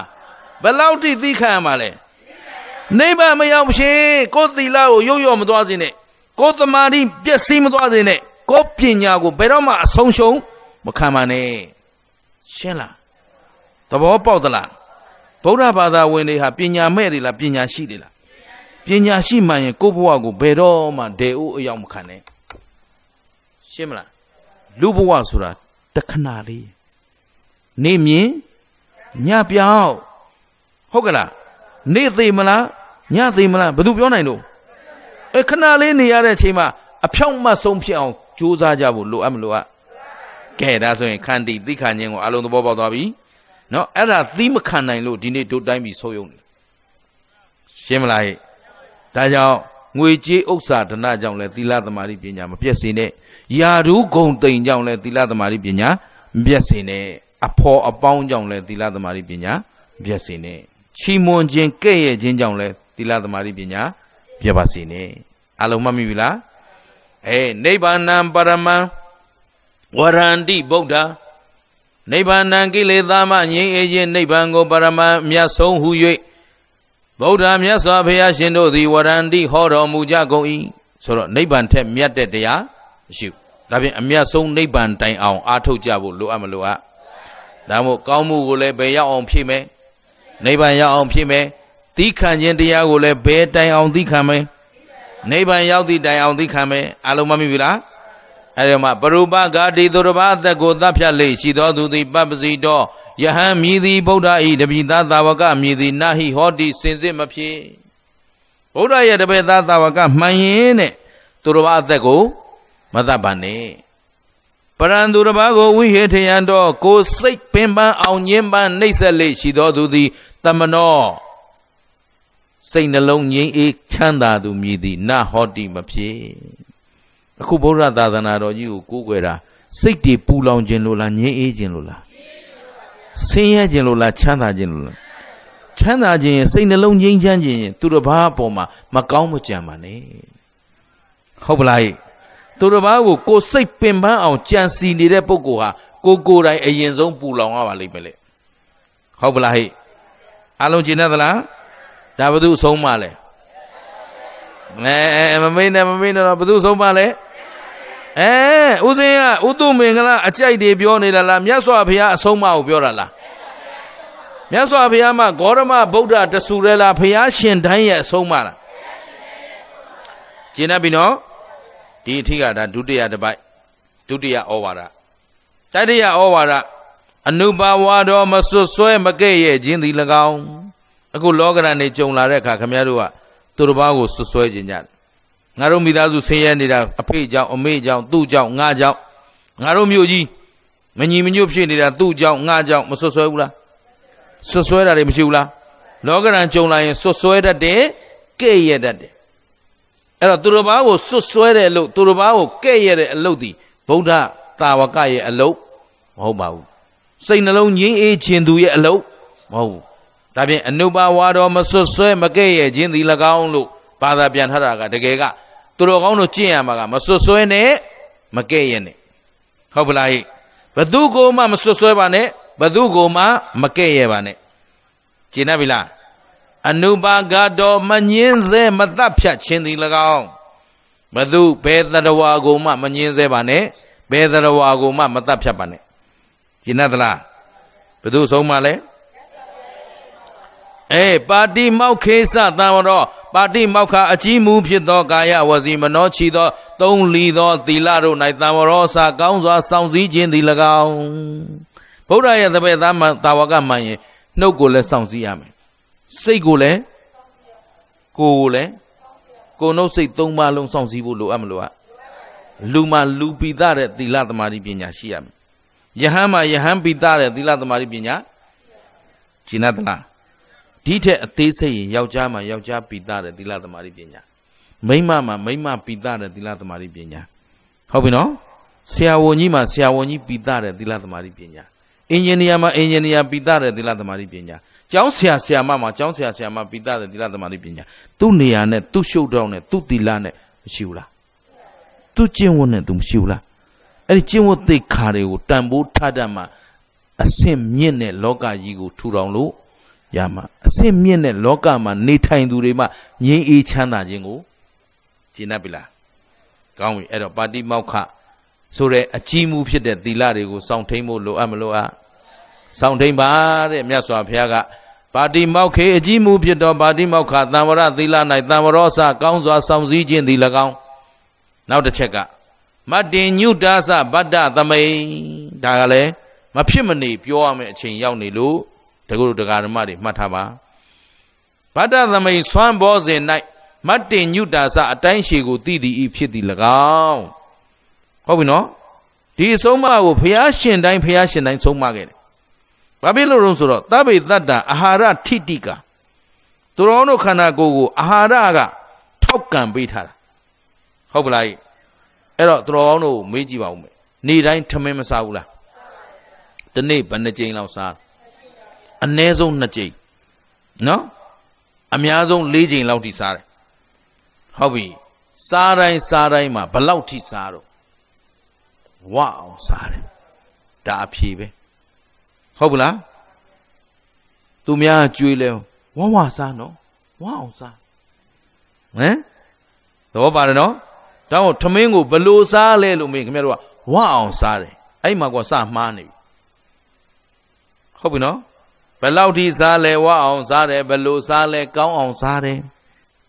ဟုတ်လားကောင်းကောင်းလေးချက်စားတယ်အမလီချက်ထားတဲ့ဟင်းလေကောင်းလိုက်တာအရသာရှိမှရှိပညာ မြင့်မားတဲ့တိုင်းပြည်နဲ့ပညာရုပ်ညံ့တဲ့တိုင်းပြည်ပညာမြင့်မားတဲ့လူမျိုးနဲ့ပညာနည်းတဲ့လူမျိုးဘာကွာသွားသလဲဆိုအဲ့ဒီအစားစားတဲ့နေရာမှာကိုစကွာအစားဆိုတာဘာအတွက်စားရတာလဲအာရအမယ်ဒီလိုမေးတော့ကြဖြေတတ်တယ်ဟမ်ဒါဖြင့်ဝဝစားဆိုတဲ့ပြဿနာဘာလို့ပေါ်နေတာလဲဟုတ်ပြီနော်ခင်ဗျားတို့ဝါတိုင်းအာဟာရဖြစ်မယ်ထင်နေတာကိုဗျ သဘောပါသလားဒါကြောင့်ဘာတာသမိန်စွမ်းဘောစဉ်၌မတ်တင်ညုတာစအတိုင်းရှည်ကိုသိသည်ဤအဖြစ်သည်၎င်းအတိုင်းရှည်ကိုသိရမယ်တဲ့အဲ့တော့ပညာရည်မြင့်မားတဲ့တိုင်းပြည်နဲ့လူမျိုးကအစာကိုအာဟာရဖြစ်အောင်စားတတ်ကြတယ်အခုငါတို့တိုင်းပြည်ကြတော့ဘယ်မြို့သွားကြည့်ကြည့်ဟုတ်ပြီနော်အခုရခိုင်ပြည်နယ်ဆိုတပတ်ပတ်ကြည့်လိုက်ဘယ်မြို့ဖြစ်ဖြစ်လူဦးရေရဲ့တဝက်ဟာမနဲ့မှာ ရခိုင်မုံဒီဆိုတဲ့အမတန်ငပိနဲ့ငံပြီးတော့စပ်ပိဆိုတဲ့အစာကိုအာရပါရဆံပုတ်တွေနဲ့လွေးနေတယ်ဟမ်မုံဖတ်ဆိုတာအပုတ်ခံပြီးတော့အပုတ်ကနေညစ်ထားတာဟုတ်လားအဲ့ဒီမှာဘက်တီးရီးယားတွေအပြည့်ဒါပေမဲ့ငါတို့မသိဘူးဒါကိုမင်ရရှက်ရစားနေတာနော်ဥစဉ်ရခိုင်ပြည်နယ်မှာဟိုးမြောက်ဦးမှာတပတ်လောက်ကားပြက်လို့နေဘူးတဲ့အဲ့တော့တခါတဲ့ ခရီးသေးအတွင်းကြလေ့လာကြည့်တော့မနေ့ပိုင်းမှာသူတို့တိုးရစ်များများလာတဲ့မြို့ပဲမြောက်ဦးဆိုတာဒါပေမဲ့မြောက်ဦးမြို့သူမြို့သားတွေဘာစားနေတော့ဆိုတော့အဲ့ရခိုင်မုံဒီပဲစားနေတယ်အာရပါရဆိုတော့အဲ့ဒီအစာကိုတကယ်လိလာကြည့်စားငရုတ်သီးရဲ့ငပိရဲ့ဟုတ်ကလားဟုတ်တယ်နော်အဲ့တော့ခင်ဗျားတို့သွေးတိုးမယ်ဟမ်ငရုတ်သီးကောင်းကျိုးတော့ကျုပ်ကစာထဲမှာမဖတ်ဘူး ဥရုဘောဇနသင်္ကာကျမ်းနေပါလေကျုပ်လေ့လာဘူးတယ်ဒါပေမဲ့ငရုတ်သီးကောင်းကျိုးတော့ရေးထားတာတခုမှမတွေ့ဘူးဒါပေမဲ့သူတို့စားတဲ့ဟင်းတိုင်းမှာငရုတ်သီးကတော့အပြည့်ပါတယ်သဘောပါလားအေးအဲ့တော့အဲ့ဒါခဏထားနောက်အဲ့ဒါတွေနောက်မှပေါ့လေတော့ကြဒီလိုပြောရင်သူမင်္ဂလာရခိုင်မုန်းဒီမကြိုက်လို့လို့ထင်မဲ့ကျုပ်လည်းကြိုက်ပါတယ်နော်ခဏလေးအစာကိုဗိုက်ပြေးတဲ့ပြဿနာလေးပဲပြောပြီးတော့နော်ရှေ့ဆက်သွားတာပေါ့တော့ကြတရားမဟောလိုက်ရပဲနေဦးမယ်ဟမ်အခု ဩဝါဒပါတိမောက်ပြောနေတာနဲ့တဏှာကြီးပြေတော့မယ်အဲ့တော့အားလုံးအစာကိုဗိုက်ပြေးအောင်စားလိုက်တဲ့ပြဿနာအဲ့တော့သူတော်ကောင်းတို့အစာကြည်ချက်ချင်းစနစ်ကိုအရင်ပြောပါမယ်သူတော်ကောင်းတို့စားလိုက်တဲ့အစာသည်ဗိုက်ပြေးပြီဆိုတာဘာကိုပြောတာလဲဆိုဗိုက်ဆိုတာဟောဒီဗိုက်ကြီးမဟုတ်ပါဘူးအစာအိမ်ဟုတ်ပြီနော်အစာအိမ်ဘယ်နားမှာရှိလဲဆိုရင်ဟောဒီဘယ်ဘက်ရင်အုံအဆုပ်ရှိပါတယ်အဲ့ဒီအဆုပ်ရဲ့အောက်နားမှာနှလုံးနေပါတယ် နှလုံးအိမ်ရဲ့အောက်မှာအစာအိမ်ရှိပါတယ်ဘယ်ဘက်ချမ်းလေးဟောဒီညာဘက်ချမ်းကအဆုပ်ပြီးရင်ဒီဘက်မှာအသေးရှိပါတယ်အသေးရဲ့အောက်မှာဥသိမ်ဥမနေပါတယ်ဟုတ်ပြီနော်အဲ့ဒီနောက်မှာကြောက်ကနှလုံးကကတ်နေရပါသေးတယ်အထဲထဲမှာသူကပြည့်နေတာနော်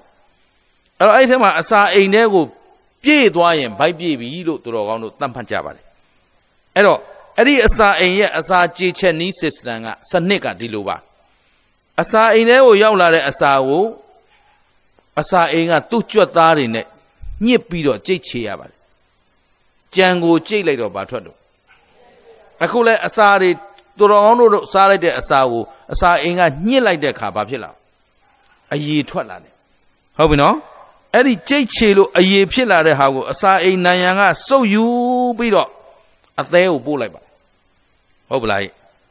အသေးကိုပို့လိုက်တော့အဲ့အသေးပေါ်ရောက်လာတဲ့အရည်တွေကိုအသေးကနေစစ်ပြီးတော့ခန္ဓာကိုယ်အတွက် ဗိုက်တာမင်ခွန်အားဖြစ်စေမဲ့အစာကယ်လိုရီဖြစ်စေမဲ့အစာအယိုးအတွက်အကျိုးပြုမဲ့အစာအကျောအတွက်အကျိုးပြုမဲ့ဓာတ်တွေကိုစုပ်ယူပြီးတော့သွေးကြောမကြီးတွေကိုထည့်လိုက်ပါတယ်အဲ့ဒီသွေးကြောမကြီးတွေကနေနှလုံးအိမ်ပို့နှလုံးအိမ်ကတန့်စင်ပြီးတော့ခန္ဓာကိုယ်ကိုလဲပတ်တော့မှအားဖြစ်လာပါတယ်ဟုတ်ပြီနော်အဲ့ဒီကနေပိုနေတဲ့ခန္ဓာကိုယ်အတွက်အစိတ်တောက်ဖြစ်မဲ့အရာတွေကိုအသေးကစစ်ထုတ်ရပါတယ်ဒါမှမဟုတ်အသေးကအလုတ်အလုတ်အဆုံးပါအဲ့တော့အဲ့ဒီမှာ ခန္ဓာကိုယ်အတွက်အစိတ်တောက်အကျိုးမရှိအကျိုးမပြုတဲ့အရာတွေခုနခင်ဗျားတို့စားထားတဲ့ငရုတ်သီးဘတ်တို့ဟုတ်နော်ငပိတဲကအရာငံနဲ့ဓာတ်တွေတို့အကုန်လုံးကိုစစ်ပြီးသူကစီကြောက်ကထဲကိုထုတ်ပလိုက်ရပါတယ်အဲ့တော့အဲ့ဒီအစိတ်တောက်အရည်တွေကိုကြောက်ကက်ကနေစီလန်းချောင်းကတဆင့်အရည်ထုတ်ပါတယ်ဟိုအစာအေးကညှစ်ချလိုက်တဲ့အဖတ်တွေကိုတော့ဘယ်ကထွက်တယ်အလုံးသိတယ်အဲ့ဒီမှာဝဝစားတဲ့ပြဿနာလာပါတယ်ဝပြီဆိုတော့အစာအိမ်က အလွန်အမင်းဖောင်းကားနေပါပြီဘာဖြစ်လို့လဲဆိုတော့ဟောဒီအစာအိမ်ကသူ့ထဲမှာပြည့်ပြီလို့အုံနောက်ကိုသတင်းပို့တာက9မိနစ်နောက်ကြပါတယ်တဲ့ဟုတ်ပလားအဲ့တော့ခင်ဗျားတို့ဝပြီလို့ဆိုတဲ့အချိန်မလုံနိုင်တော့ဘူးသဘောပါသလားကိုယ်စိတ်ထဲကဝပြီလို့သိတဲ့အချိန်မှာအစာအိမ်ကအလွန်အကျွံပြည့်သွားပြီတဲ့အဲ့တော့သူဘာဖြစ်လဲဆိုတော့ညစ်ချေနိုင်တဲ့အစွမ်းမရှိတော့ မရှိတော့ဘာလို့ဆိုအစာအိမ်ထဲကအစာချေတဲ့ပြန်ထုတ်ရတယ်အသေးစီကလည်းအကူညီတောင်းရတယ်ငါလောက်ပါအောင်ဒီမှာမချေနိုင်တော့လို့ဘာလို့ဆိုဒါမချေနိုင်လို့ပုတ်ကုန်ရင်ခင်ဗျားတို့ပြဿနာတက်ရှင်းတယ်နော်အဲ့တော့ရိုးရိုးလေးပဲပြန်တွက်ကြည့်ခန္ဓာကိုယ်အတွက်အင်အားရအောင်အစာစားတာအခုအဲ့ဒီအစာခြေဖို့အတွက်ခန္ဓာကိုယ်ရဲ့ဓာတ်တွေပြန်ထုတ်ပေးလိုက်ရပါတယ်ရှင်းလားအဲ့ဒီအတွက်ဘာဖြစ်လာလဲဆိုအစာအိမ်သည် ကြွက်သားတွေအလုံးမလုံးနိုင်တော့တဲ့အတွက်ပထမဦးဆုံးစပြဿနာတက်တာအစာအိမ်ပြဿနာတက်ပါတယ်အစာမကြည်ခြင်းနော်တချင့်ပြန်ခြင်းဆိုရင်ဒါယောဂတွေစတော့မယ်မပူပါနဲ့ယောဂီတို့အဲ့တော့အစာအိမ်ယောဂဖြစ်ပါတယ်အဲ့ဒီနောက်မှာသွေးကြောတွေမှာအစီပိတ်လာပါတယ်ဘာဖြစ်လို့ဆိုသွေးလေလဲပတ်မှုမမှန်တော့ပါဘူးအဲ့ဒီနောက်မှာသွေးတိုးယောဂဖြစ်ပါတယ်အဲ့ဒီနောက်မှာစီးကြိုပါအဲ့ဒီနောက်မှာနှလုံးယောဂပါနောက်ပြီးတော့သေပါပြီသဘောပါလား အဲ့တော့ခုခင်ဗျားတို့အရွယ်မတိုင်ခင်မှာယောဂဘောင်းဆောင်ရလာတာဒီအစာမစားရလို့ဆိုတဲ့အဖြေထွက်နေပါတယ်ကျင်တတ်ပြီလားဒီနေ့မြန်မာလူမျိုးတွေတဖြည်းဖြည်းကပအလယ်မှာသီးသီးသီးသီးလာတာရုပ်ရည်ချင်းစင်ကြည့်တော့လေရုပ်ရည်ကြည်လင်ခြင်းမရှိဘူးသူများနိုင်ငံတွေများသွားရင်လေရင်မောဆင်းလိုက်တယ်နဲ့အိုးလန်းဆန်းနေတာဖရက်တက်ကြွလူတွေကြီးကြီးကြီးလေးလေးဗမာပြည်ကြီးညိုညိုပုတ်ပုတ်ဗမာပြည်ဆင်းလိုက်တယ်လေလူကိုယ်တိုင်ကုန်ခွေကြသွား ပြီးတော့လေစိတ်ကဝန်ထမ်းတွေကြည့်ကြတဲ့ကောစူပုတ်ထောလန်းနေတာတယောက်မှကြီးကြီးလေးလည်းမရှိဘူးသဘောပါလားသူများနိုင်ငံသွားအမလေးကြီးကြီးလေးလေးကိုကိုတိုင်းပြည်ကိုတိုင်းပြည်ကိုအဲ့ဒီသူများနိုင်ငံသွားမှကိုတိုင်းပြည်ဆင်းရတယ်လို့ပဲအကြောက်လန့်မရှိတကယ်ဆိုရင်ဥဒုမင်္ဂလာဘာစကားမှမတတ်ဘူးဗမာစကားလွှဲဘာမှမတတ်ဘူးအင်္ဂလိပ်စကားလည်းမတတ်ဘူးနော်အင်္ဂလိပ်စာဖတ်တတ်ရုံပဲရှိတာစာကြောင်းတက်ထားတော့ဖတ်တတ်တယ်စကားမပြောတတ်ဘူးဒါပေမဲ့တကဘာလုံးသွားဘယ်မှမကြောက်ဘူးအကြောက်ဆုံးကဗမာပြည်ဆင်းတော့မယ်ဆိုသိကြောက်တာ သဘောပါသလားအဲ့ဒါဘာဖြစ်လို့လဲဆိုတော့တော်တော်ကောင်းတို့တွေကာယခန္ဓာကိုယ်အင်အားမရှိတဲ့အခါမှာစိတ်အင်အားတွေရှိတော့ကာယဗလမရှိတော့စိတ်တဗလတွေချွတ်ယွင်းလာတယ်စိတ်တဗလချွတ်ယွင်းလာတော့ညာနာဗလတွေချွတ်ယွင်းလာတယ်ရှင်းလားဒါဖြင့်အာဟာရအစာကိုစားရင်အာဟာရဖြစ်အောင်စားပါဆိုတာလေးမမေ့ပါနဲ့ဟုတ်ပလားအစာစားရင်အာဟာရဖြစ်အောင်စား အခုခင်ဗျားတို့ဘေးကင်းအောင်စားခြင်းရင်အလွယ်ဆုံးဥပမာပေးပါမယ်လိုက်နာကျင့်သုံးတာမကျင့်သုံးတာခင်ဗျားတို့အပိုင်းမှာနော်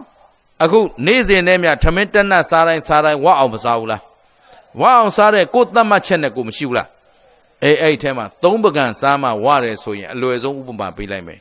နောက်ခါစားရင်တပကံပဲစားပါတော့သုံးပုံတပုံပဲစားပါဟုတ်ပလားဟိတနေ့နှစ်ကြိမ်စားရကနေသုံးကြိမ်စားပြဿနာမရှိဘူး ဒါပေမဲ့တစ်ကြိမ်စားတိုင်းစားတိုင်းဘယ်လောက်ပဲစားတော့မလဲ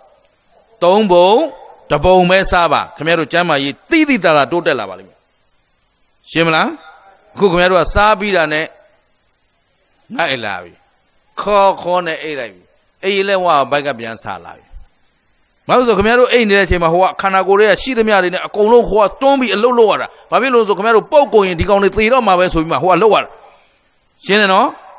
အဲ့တော့အစာအင်းကြီးအကျယ်ရာကနေဂျဲကလောင်ကြီးဘူဘူပေါင်းကြီးမှုတ်ထားရာကနေလေပြန်ရှုံလိုက်သလိုဆိုတော့ဟာတာတာဖြစ်နေပြန်ရောအဲ့တော့ပြန်စားပြန်ရောပြန်စားပြီးပြန်အိပ်ပြန်ရောစားလိုက်အိပ်လိုက်နဲ့ဂရိတ်ဖိုက်ဖြစ်လာတယ်သဘောပါသလားအလုံးကျင်နေတယ်နော်ဒါဖြင့်အစာရဲ့အတိုင်းရှည်ကိုသိရမယ်ဆိုတော့အဆုံးမသည်လိုအပ်မလိုအပ်ဘယ်သူအဆုံးမလဲတော့ကြသူမင်္ဂလာအကြိုက်ပြောသွားတယ်ထင်ပါစို့လို့ခင်ဗျားတို့ဘယ်သူအဆုံးမတော့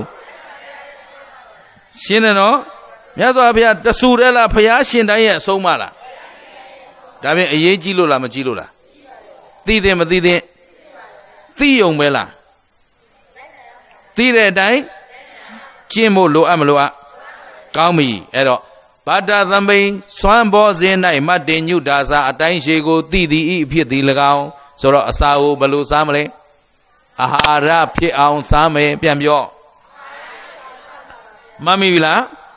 အဲနောက်ကြတော့မှပန်းတင်းစသယနာသနံစိတ်ငြိမ်ရာ၌နေခြင်းသည်၎င်းတဲ့ဆိုတော့စိတ်ငြိမ်ရာဆိုတာအခုသူတော်ကောင်းတို့တွေအာယုန်တွေထဲမှာကျက်စားပြီးနေ့စဉ်နဲ့မြအာယုန်တွေနဲ့အချိန်ကုန်နေကြတယ်တနေ့လေလုံးရောင်းဝယ်ဖောက်ကားတဲ့အလုံးနဲ့အချိန်မကုန်ဘူးလားညနေလဲစောင်းလာရောအေးအေးလူလူတရားနာသလားကိုရီးယားကစောင့်ကြည့်သလားဟော မိမတွေကကိုရီးယားကလည်းပြီးရောပြီးပြီတဲ့ဖះတော်မကြောက်နိုင်ဘူးဘုရားကတော့ကိုထားလို့မျက်နှာသစ်သွားတိုက်တော့မလုပ်နိုင်ဘူးအိတ်ချလိုက်အောင်သူတို့လည်းအိတ်ကောယောက်ျားလေးတွေအလက်ဘောလုံးပွဲစောင့်ကြည့်မယ်ဟုတ်ပလားတညလုံးဘောလုံးပွဲကြည့်ပြီးတော့မနဲ့လင်းလာတော့အိတ်နေ့လေကြတော့ညင်းဘယ်ကောင်ကကွာဘယ်လိုကန်တာဘယ်နှကိုးနဲ့ရှုံသွားတယ်ဆိုတော့ဟိုကတညကန်ရင် ဒေါ်လာတန်းချီရတာဒီကအေးရေးပြက်ခံကြည့်တော့ဘာရတော့အဲယောဂါရတယ်စီးပွားပြက်တယ်အမျက်ထွက်သလားပြီးတော့သူတို့ကြည့်တဲ့အသင်းကကိုယ်နိုင်ငံကိုနှစ်ပေါင်းတရာကျော်နှိပ်စက်သွားတဲ့ခွေးမှသားတွေဟမ်ဒီအင်္ဂလန်ဆိုတာကိုယ့်ကိုတသက်လုံးနှိပ်စက်သွားတာဒီနေ့အထိအင်္ဂလန်စနက်မပြီးသေးဘူးဒါကိုဗျာသူတို့နှစ်နှစ်ကာကာမလို့မန်ချက်စတာမှမန်ချက်စတာ သိချင်းစိုးသိကြအောင်ပါသဘောပါသလားဘာအမျက်ထွက်တော့မင်းမမြတ်ဘူးရှုံးတဲ့အပြင်ခင်ဗျားတို့အကုန်လုံးဒုက္ခရောက်ကုန်ပြီသဘောပါသလားအဲ့တော့အာယုံကင်းစိတ်ရမှာနေရမယ်ဆိုတာကိုယ်စိတ်ကိုစိတ်ဓာတ်ခွန်အားတွေရလာအောင်ဟုတ်ပြီနော်အခုတော်အောင်တို့အေးရေးပြက်အာယုံတွေကြားထဲမှာနေတော့လောကရန်ကိုလည်းခံနိုင်ရမရှိတော့စိတ်ဓာတ်ခွန်အားတွေလည်းပျက်စီးတယ်ဟုတ်ပလားဟိဒီအတွက်မြတ်စွာဘုရားကအာယုံကင်းစိတ်ရမှာနေနိုင်အောင် ကြိုးစားရမယ်ဒီနေ့ကိုအနည်းဆုံး2နာရီလောက်ဘာဝနာပွားနိုင်ရင်မကောင်းလားအေးဝိပဿနာအလုပ်လုပ်နိုင်မကောင်းလားအဲ့တော့လုံနိုင်အောင်ကြိုးစားကြဖို့လိုအပ်မလိုအပ်စိတ်ဓာတ်ရင့်ကျက်အောင်ခွန်အားတိုးပွားအောင်စိတ်ဓာတ်ခွန်အားပြည့်ဝသူတွေဖြစ်အောင်ကြိုးစားပါဟုတ်ပလားကဲနောက်ဆုံးတစ်ချက်အဓိစိတ်တေစအာယောကောအဓိစိတ်ဓာဆိုတဲ့စိတ်ကိုအစိုးရခြင်းဒီဟုသောအဓိစိတ်ဓာသိက္ခာပဒ၌ အာယောကောစလုံလပြုခြင်းသည်၎င်းတဲ့ဒါဩဝါဒပေါ်တိမောက်ရဲ့နောက်ဆုံးအချက်ပါပဲနော်စိတ်ကိုအစိုးရအောင်အာထုတ်ပါတဲ့ဗါလဲလေစိတ်ကိုအစိုးရတာဘာတွေညာတွေမမေးသေးခင်သူတော်ကောင်းတို့ဖြေနိုင်တာကိုပဲမေးပါမယ်လောကမှာကိုယ်စိတ်ကိုအစိုးရတဲ့လူနဲ့အစိုးမရတဲ့လူဘယ်သူကတန်ဖို့ရှိတယ် လောကမှာစိတ်အလိုလိုက်လေရှိတဲ့လူနဲ့စိတ်ကိုထိမ့်သိမ့်နိုင်တဲ့လူဘယ်သူကမြင့်မြတ်တယ်လဲသိကြတယ်နော်ဒါပေမဲ့စိတ်ကိုထိမ့်သိမ့်တတ်ဖို့လိုအပ်မလိုအပ်ထိမ့်သိမ့်နိုင်တဲ့ပုဂ္ဂိုလ်မှစိတ်ကိုအစိုးရတဲ့လူလို့ခေါ်တယ်ကဲစိတ်ကိုဘာနဲ့ထိမ့်မလဲအဲဒါပဲပေါ့သီလသမာဓိပညာဗါတယ်လေသီလသမာဓိပညာအချင်းချင်းပြောရင်သတိထား ဝရိယဆိုင်ပညာနဲ့ကြည်ဟုတ်ပလားဟဲ့ဒါဖြင့်စိတ်ကိုအစိုးရဖို့လိုအပ်မလိုအပ်ဒီဒါကြောင့်ဒီနေ့တရားကိုလည်းတူတူပဲဟောပါမယ်အစိုးမရတဲ့စိတ်ဗါတယ်လေတရားကောင်းစဉ်ကအစိုးမရတဲ့စိတ်ပြန်ပြောမမီပြီလားအဲ့တော့သူများမေးရင်ဖြေတတ်ပြီလားဒီနေ့ညဗာတရားဟောမယ်အခုမှစမှာနော် 10နာရီထိုးတော့မယ်ဖြစ်ပါမလားဟမ်ဖြစ်ပါမလားတရားဝဲပြီး15မိနစ်တရားထိုင်အောင်ပါနော်ရမလားတရားထိုင်ပြီးသစ္စာဆိုမယ်မေတ္တာပို့မယ်ပြီးမှအိမ်ပြန်မှာနော်တရားပွဲမပြီးဘဲနဲ့ထပြန်လို့မရဘူးနော်ဥဝိစာရဘာတရားဟောသွားတော့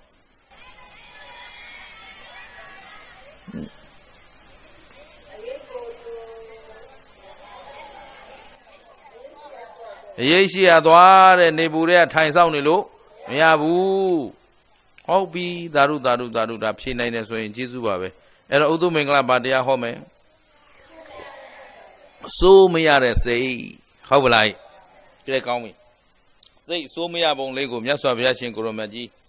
ဟောထားခဲ့တဲ့ဒေသနာတပုတ်နဲ့ပဲဦးဇင်းတို့ဒီနေ့ကျေးဇူးဆက်သွားပါမယ်အဲ့တော့အလုံးဩဝါဒပါတိမောက်ကိုလည်းမမေ့ပါနဲ့နော်ကဲကောင်းပြီ မြတ်စွာဘုရားရှင်ကိုရောမြတ်ကြီးတာဝဋ္ဌိပြည်ဇေတဝန်ကျောင်းတော်မှာသတင်းသုံးနေတော့ဘယ်မှာလဲလဲတာဝဋ္ဌိပြည်ဇေတဝန်ကျောင်းတော်မှာသတင်းသုံးနေတော့ဆိုတော့အလုံးနားလည်ထားရမှာကတာဝဋ္ဌိပြည်လို့ပြောလိုက်တာ ਨੇ တာဝဋ္ဌိပြည်ကြီးဟာအရိယာတို့ရဲ့တိုင်းပြည်ဘယ်သူတိုင်းပြည်အရိယာတိုင်းပြည်ဆိုတာကဥစဉ်တရားခွေတိုင်းမှာမကြာခဏပြောဥပါတယ်တာဝဋ္ဌိမြို့ကြီးဆိုတာတာဝဋ္ဌိမြို့ကြီးတာဝဋ္ဌိတိုင်းပြည်ကြီးဟာလူရိမ် တန်း80ရှိတယ်ဒါဝတိမြို့မြို့တစ်မြို့တည်းတင်ဟုတ်ပြီနော်မြန်မာနိုင်ငံထက်တန်း20များပါတယ်မြန်မာနိုင်ငံတန်း90ပဲရှိတယ်ဟုတ်ပြီနော်တန်း80ရှိတဲ့ထဲမှာတန်း90ကအရိယာဟောဘာလဲလဲဒါမှမြတ်စွာဘုရားက16ဝါတိုင်တိုင်နော်ဝါ20လို့လည်းကျိုးစာဆိုတယ်16ဝါဝါ20သတင်းသုံးပြီးတော့သာသနာပြုသွားတဲ့အရာ ဒီတော့မြတ်စွာဘုရားသာဝတိပြည်မှာသတင်းသုံးတိုင်းသုံးတိုင်းညချမ်းအချိန်မှာတရားပေါ်ရှိတယ်ဟုတ်ပြီနော်အဲ့တော့အဲ့ဒီမှာသာဝတိမြို့သူမြို့သားတွေကတရားနဲ့မပြတ်ထိတွေ့ပြီးမနေရဘူးလားအေးဒါကြောင့်သာဝတိမြို့ကြီးကအရိယာတိုင်းပြည်ကြီးအလုံးကိုဘလောက်ตาရလိုက်မလဲဘလောက်အေးချမ်းလိုက်မလဲဆိုတာဒါပဲစဉ်းစားကြည့်နော်အဲ့တော့တန်း80မှာတန်း90က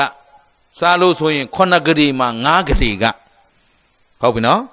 ငါးကလေးသောပုဂ္ဂိုလ်တွေကအရိယာအောက်ထစ်ဆုံးသောတာပန်ဆိုတော့အလွန်ငြိမ့်အေးတဲ့တိုင်းပြည်ကြီးကုသိုလ်တရားတွေနဲ့ပြည့်တယ်မနဲ့ဆိုရင်ဆွမ်းလောင်းပွဲတွေနော်တအိမ်ထဲကနေတန်ခါ1000ကျော်2000လောင်းတာရှိတယ်ဖျားမှုရှိတဲ့တန်ခါကိုဝိသခါတို့အနာတပိန်တို့ဆိုရင်တယောက်ထဲကတာဝန်ယူပြီးတစ်နေ့လုံးကတ်သွားတာလည်းရှိတယ်ဒီလိုပေါ့အဲ့ဒီမှာညာချမ်းချိန်တရားဟောတော့တရားနာတဲ့ခါမှာတကြွယ်တကာတယောက်ကတရားနာပြီးတော့ မြတ်စွာဘုရားရဲ့အဆုံးအမတွေကိုယုံကြည်သက်ဝင်လာတာနဲ့သူစည်းစိမ်တွေစွန့်လွန်ပြီးတော့သာသနာဘောင်နဲ့ဝင်လိုက်ယဟန်ဝတ်လိုက်တယ်ပေါ့ယဟန်ဝတ်ပြီးတော့တရားအထုတ်လိုက်တာမကြပါဘူး၃ရက်ဆိုရင်ယဟန်နာဖြစ်သွားတယ်ဟုတ်ပြီနော်ဒီတကားကဘယ်နှရက်နဲ့ယဟန်နာဖြစ်၃ရက်ဘယ်နှရက်၃ရက်နဲ့ယဟန်နာဖြစ်သွားပြီဆိုတော့သူ့မှာကိလေသာမကုန်ဘူးလားကုန်သွားတော့ဒီမှာကြည့် ယဟန္တာတို့ပြောတဲ့စကားခိနာဇာတိဝုတိတံဗြဟ္မစရိယံကတံကရဏီယံခိနာဇာတိနောက်တဖန်ဇာတိရเสียအကြောင်းမရှိတော့ဘူးဇာတိမရတော့ဘူးဆိုဇရာမရဏလာအောင်မလားဒါဖြင့်အိုနာသေးရဒုက္ခဘေးကလွတ်မလွတ်နောက်ဝုတိတံဗြဟ္မစရိယံမြတ်သောအကျင့်တွေလဲလမ်းဆုံးခဲ့ပြီဟောအခုခင်ဗျားတို့ကုသိုလ်ကောင်းမှုတွေဖြည့်ကျင့်မှာမပြောဘူးလားဘယ်ထိဖြည့်မလဲဟုတ်ပြီသီခံသီခံနဲ့ဘယ်ရောက်အောင်သီခံမယ် အဲအဲ့ဒါဝိသိတံဗြဟ္မစရိယံဆိုတာဒါပဲမြတ်သောအချင်းလဲလမ်းဆုံးရောက်ခဲ့ပြီကတံကရဏိယံနောက်တစ်ဖန်ပြုเสียကိစ္စမရှိတော့အလုံးကိစ္စအလုံးပြီးသွားခဲ့ပြီဒါကြောင့်ကိစ္စပြီးတယ်ကိစ္စပြီးတယ်လို့လည်းသုံးလေးရှိတယ်ဟုတ်ပြီနော်အဲ့တော့သုံးရက်နဲ့ယဟန္တာဖြစ်သွားတော့သူ့ကိုတန်ကရခိတမထေကြီးလို့ခေါ်တယ်ဘယ်လိုခေါ်လဲတန်ကရခိတမထေဆိုပြီးသာသနာမှာထင်ရှားတယ်အဲ့တော့သူ့ရဲ့ တန်ခါရခိတမထေကြီးမှာနှမတယောက်ရှိတယ်အဲ့ဒီနှမကသားလေးတယောက်မွေးတယ်အဲ့ဒီသားလေးတယောက်မွေးတော့လေဒီသားလေးကိုသူ့ဦးကြီးကိုချစ်လွန်းလို့ထင်ရှားတဲ့ဦးကြီးနာမည်ပဲပေးလိုက်တယ်တန်ခါရခိတဒီတော့သူကတူတန်ခါရခိတပေါ့ဗါရလဲတူတန်ခါရခိတမထေကြီးရဲ့တူတော်မောင်တန်ခါရခိတငါးနှစ်ခုနှစ်နှစ်အရွယ်ရောက်တဲ့အခါကျတော့တာမဏေဝတ်ပေးလိုက်တယ်ဦးကြီးတော်ကိုချစ်လွန်းလို့ ဦးကြီးတော်အကြောင်းမှာပဲတာမဏေဝတ်ပေးလိုက်တယ်ဒီတူလေးကလည်းဦးကြီးတော်ကိုချစ်လွန်းတဲ့အတွက်ဒီဦးကြီးတော်ရဲ့အဆုံးအမအတိုင်းပဲနာခံပြီးတော့တာမဏေကနေယဟန်ဖြစ်ပြီးတော့တောရွာလေးတရွာမှာသတင်းသုံးပြီးတော့နေတယ်အဲ့ဒီလိုသတင်းသုံးပြီးနေရင်တဲ့ဒီတာတူတန်ကရခိတမထေဟာဝါဆိုတောเจ้าမှာဝါဆိုဝါကပ်ပြီးနေတယ်သူကတော့ယဟန်ကိစ္စမပြီးသေးဘူးเนาะအဲ့ဒီလိုနေရင်နဲ့ဝါတွင်းမှာတရားအထုတ်နေရင်ရွာကလူတွေကတ်တာနဲ့ သင်္ကန်းနှစ်ထည်ရတယ်သင်္ကန်းပထမသင်္ကန်းတစ်ထည်က9တောင်ရှိတယ်ဘယ်လောက်ရှိတယ်ဒုတိယသင်္ကန်းတစ်ထည်က10တောင်ရှိတယ်ဒုတိယတစ်ထည်ကဒါဖြင့်ပထမတစ်ထည်ကဒုတိယတစ်ထည်ကအဲ့တော့10တောင်ရှိတဲ့သင်္ကန်းကပို့ပြီးတော့လဲအစကောင်းတယ်ပို့ပြီးတော့လဲအယောင်သွေးကောင်းဒီတော့ ဟောဒီတူတန်ကရခိတမထေကဒီကြီးတဲ့ရှစ်တောင်ရှိတဲ့ပိုကောင်းတဲ့သင်္ကန်းကိုငါအိုးကြီးတော်ဥပ္ပဇေဆရာကိုကတ်မယ်ဟုတ်လားဟဲ့ဆိုပြီးရီမန်းပြီးတော့ခုနှစ်တောင်သင်္ကန်းကိုတော့ तू ကသုံးတယ်ရှစ်တောင်သင်္ကန်းကိုဘု து အတွက်ထားတော့ဦးကြီးတော်တန်ကရခိတမထေကြီးအတွက်ထားတယ်ဟုတ်ပလားအဲ့လိုထားပြီးတော့ဝါကျွတ်တဲ့ခါကျတော့ဦးကြီးတော်ကိုဝါကျွတ်ကြော့ရအောင်ဆိုသင်္ကန်းလေးယူပြီးတော့ ဦးကြီးတော်နေတဲ့ကြောင်းကိုကြွသွားတယ်ဆုံးခံရင်ကြွသွားတယ်ကြွသွားတော့ဒီလိုပဲဆုံးခံသွားရင်နဲ့ဦးကြီးတော်သံဃာရခိတမထေကြီးကျောင်းကိုရောက်တော့မထေကြီးကဆုံးခံသွားနေတာပြန်မလာသေးတော့ဝေယအကြောင်းဝေယဝဆလို့တပြက်စီလဲဦးကြီးတော်နေတန့်စင်တဲ့နေရာကိုတခါတည်း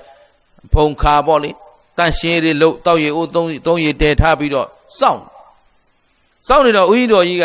ဆုံးခံကပြန်လာတော့ဟာငါတူရောက်နေလားမှန်ပါဗျာတပည့်တော်ရောက်နေပါတယ်ဗျာ ဆိုဝေယဝဆတွေလှုပ်ထားပြီးသားဆိုတော့အတူဆုံးဖုံးကြဆုံးဖုံးပြီးတဲ့အချိန်နောက်ကနေရက်လေလေးခတ်ပြီးတော့တောက်ရည်ကပ်ပြီးတော့ရှစ်တောင်ရှိတဲ့သင်္ကန်းသူသိမ့်ထားတဲ့အမတန်မွန်မြတ်တဲ့သင်္ကန်းကိုအရှင်ဘုရားတဲ့ဒါဝါကျွတ်ကြော့ရင်းနဲ့ဤသင်္ကန်းကိုအရှင်ဘုရားကိုလှူဒန်းပါတယ်အရှင်ဘုရားအလှခံတော်မူပါဆိုပြီးတော့သင်္ကန်းကတ်ဘာလုပ်လဲဘယ်နှတောင်ရှိတော့ တပည့်တော်ဝါတွင်းမှာတဲ့သင်္ကန်းဘယ်နှထည်ရခဲ့တော့နှစ်ထည်ပထမတစ်ထည်က9တောင်ဒုတိယတစ်ထည်ကအဲမော်မြတ်တဲ့သင်္ကန်းကိုအရှင်ဖျားအလို့ငါရီမန်း၍တပည့်တော်လှူဒန်းပါဤဆိုတော့ဦးကြီးတော်မထေကြီးကတော်ပြီငါတူတဲ့ငါမှသင်္ကန်းလုံလောက်ပြီအဲမြတ်စွာဘုရားရှင်ကိုတော်မြတ်ကြီးရှိစဉ်ကလကယဟန်တော်တပါးကိုတပိတ်သလုံးသင်္ကန်း၃တယ်နဲ့နေကြတယ်ဟုတ်သုံးစုံမဟုတ်ဘူးနော် ဘယ်တော့တပိတ်သလုံးသင်္ကန်း၃တယ်၃တယ်ဆိုတာအောက်ကခါဝတ်သင်ပိုင်းတစ်ထဲအပေါ်ကိုယုံဧကတိတစ်ထဲနောက်နှစ်ထပ်သင်္ကန်းဆိုတဲ့ဒုက္ကုတ်သင်္ကန်းကြီးတစ်ထဲဒါ၃တယ်အဲ့ဒီသုံးတဲ့ရှိရင်လုံလောက်ပြီဖြစ်တဲ့အတွက်အပိုသင်္ကန်းမဆောင်တော့ငါဒူးတဲ့တော်ပြီငါအတွက်လုံလောက်ပြီဆိုတော့ဒုတိယတစ်ကြိမ်ပြန်ကတ်တယ်အရှင်ဘုရားတဲ့တပည့်တော်ကိုတနာသဖြင့်ကုသိုလ်ဖြစ်ခွင့်ပေးပါဗျာဤသင်္ကန်းသည် တပည့်တော်အလူခံရရှိစဉ်ကလေးကရင်အရှင်မြတ်ဖရာအဖို့ရည်မှန်းထားပြီးသားဖြစ်ပါတယ်တဲ့ဒါကြောင့်အလှခံတော်မူပါတန်ခါမထေကြီးကလည်းအရိယာပုဂ္ဂိုလ်ကြီးပြည်ပြီးဝိနည်းသိက္ခာပုဂ္ဂိုလ်လည်းလေးစားတယ်အလိုယမက်ကလည်းနေတော့တော်ပြီငါတူမင်းမှမင်းသုံးတော့ငါမလိုဘူးရိုးရိုးပဲပြောတယ်ဟုတ်ပြီနော်ဒါပေမဲ့တူလှုပ်တဲ့ပုဂ္ဂိုလ်ကဥကြီးတော်ကိုချစ်တဲ့စိတ် လေးစားတဲ့စိတ်တန်ဖိုးထားတဲ့စိတ်အရှင်ဘုရားတပည့်တော်ရဲ့ဥပိ္ပဇေဆရာနှိပ်သီးဆရာမိဘဆိုလည်းမမှားပါဘူးငယ်စဉ်ကလေးအရင်အလွန်မြတ်နိုးချစ်ခင်တန်ဖိုးထားလွန်းလို့အရှင်မြတ်ဖရာအပေါ်မှာလေးစားတဲ့စိတ်နဲ့တပည့်တော်တဝါတွင်းလုံးသိမ့်စီလာခဲ့တဲ့ဤသင်္ကန်းအရှင်မြတ်ဖရာသနာခြင်းကိုစောင့်ပြည့်အလူခံပါတော်ပြီငါရှင်ငါမလိုဘူးဆိုတော့နောက်ကနေရက်ခတ်ပေးရင် နဲ့ဦးကြီးတော်ကိုသုံးကာထက်လည်းပုံမလျှောက်ရဘူးသုံးကာလုံးပယ်လိုက်ပြီဆိုတော့လည်းကိစ္စမအောင်မြင်တော့ဘူးပြီးသွားပြီဟုတ်ပြီနော်အဲ့တော့သူကဘာလုပ်တော့ဆိုတော့ရက်ကလေးခတ်ရင်နဲ့စဉ်းစားတယ်ငါဦးကြီးတော်ကငါမချစ်ဘူးထင်တယ်ဗါတယ်ဗါတယ်ဦးကြီးတော်ကငါ့ကိုအဲ့ဒါလူစကားလားယဟန်စကားလားယဟန်မှာချစ်เสียလို့လားမုန်းเสียရော ချစ်သူရှိเสียလည်းမလို့သလိုမုန်းသူရှိเสียလည်းတော့ပါလားအဲ့တော့ဒီယဟန်လေးဟာအခုသူနှလုံးသွင်းလိုက်တာကိုကငါအမြတ်တနိုးလှူဖို့ယူလာတဲ့သင်္ကန်းကိုငါဦးကြီးကလက်မခံဘူးငါ့ကိုမချစ်ဘူးထင်တယ်ဟုတ်ကလားမချစ်ဘူးထင်တယ်လို့ပြောလိုက်တာဒီ ဦးကြီးပေါ်မှာချစ်ခင်တဲ့လောဘစိတ်ရှိမရှိလောဘနောက်ကသူ့ကိုလက်မခံရကောင်းလားဆိုတဲ့ဒေါသရောဟုတ်ပြီနော်ဒေါသနောက်ကတောကဦးကြီးတော်ဟာငါရဲ့ဥပ္ပစ္စေဆရာငါဦးလေးလည်းတော်တယ်ငါမိဘဆိုလည်းဟုတ်တယ်သူကမှပြစ်ပယ်ထားမှတော့ငါဒီသာသနာပေါင်းမှနေလို့ဘာလို့မှလဲဟောလာပြီသဘောပါသလားဟိုဦးကြီးတော်ကသင်္ကန်းလက်မခံတာအဲ့ဒီအဓိပ္ပာယ်ရှိသလား မရှိပင်မဲ့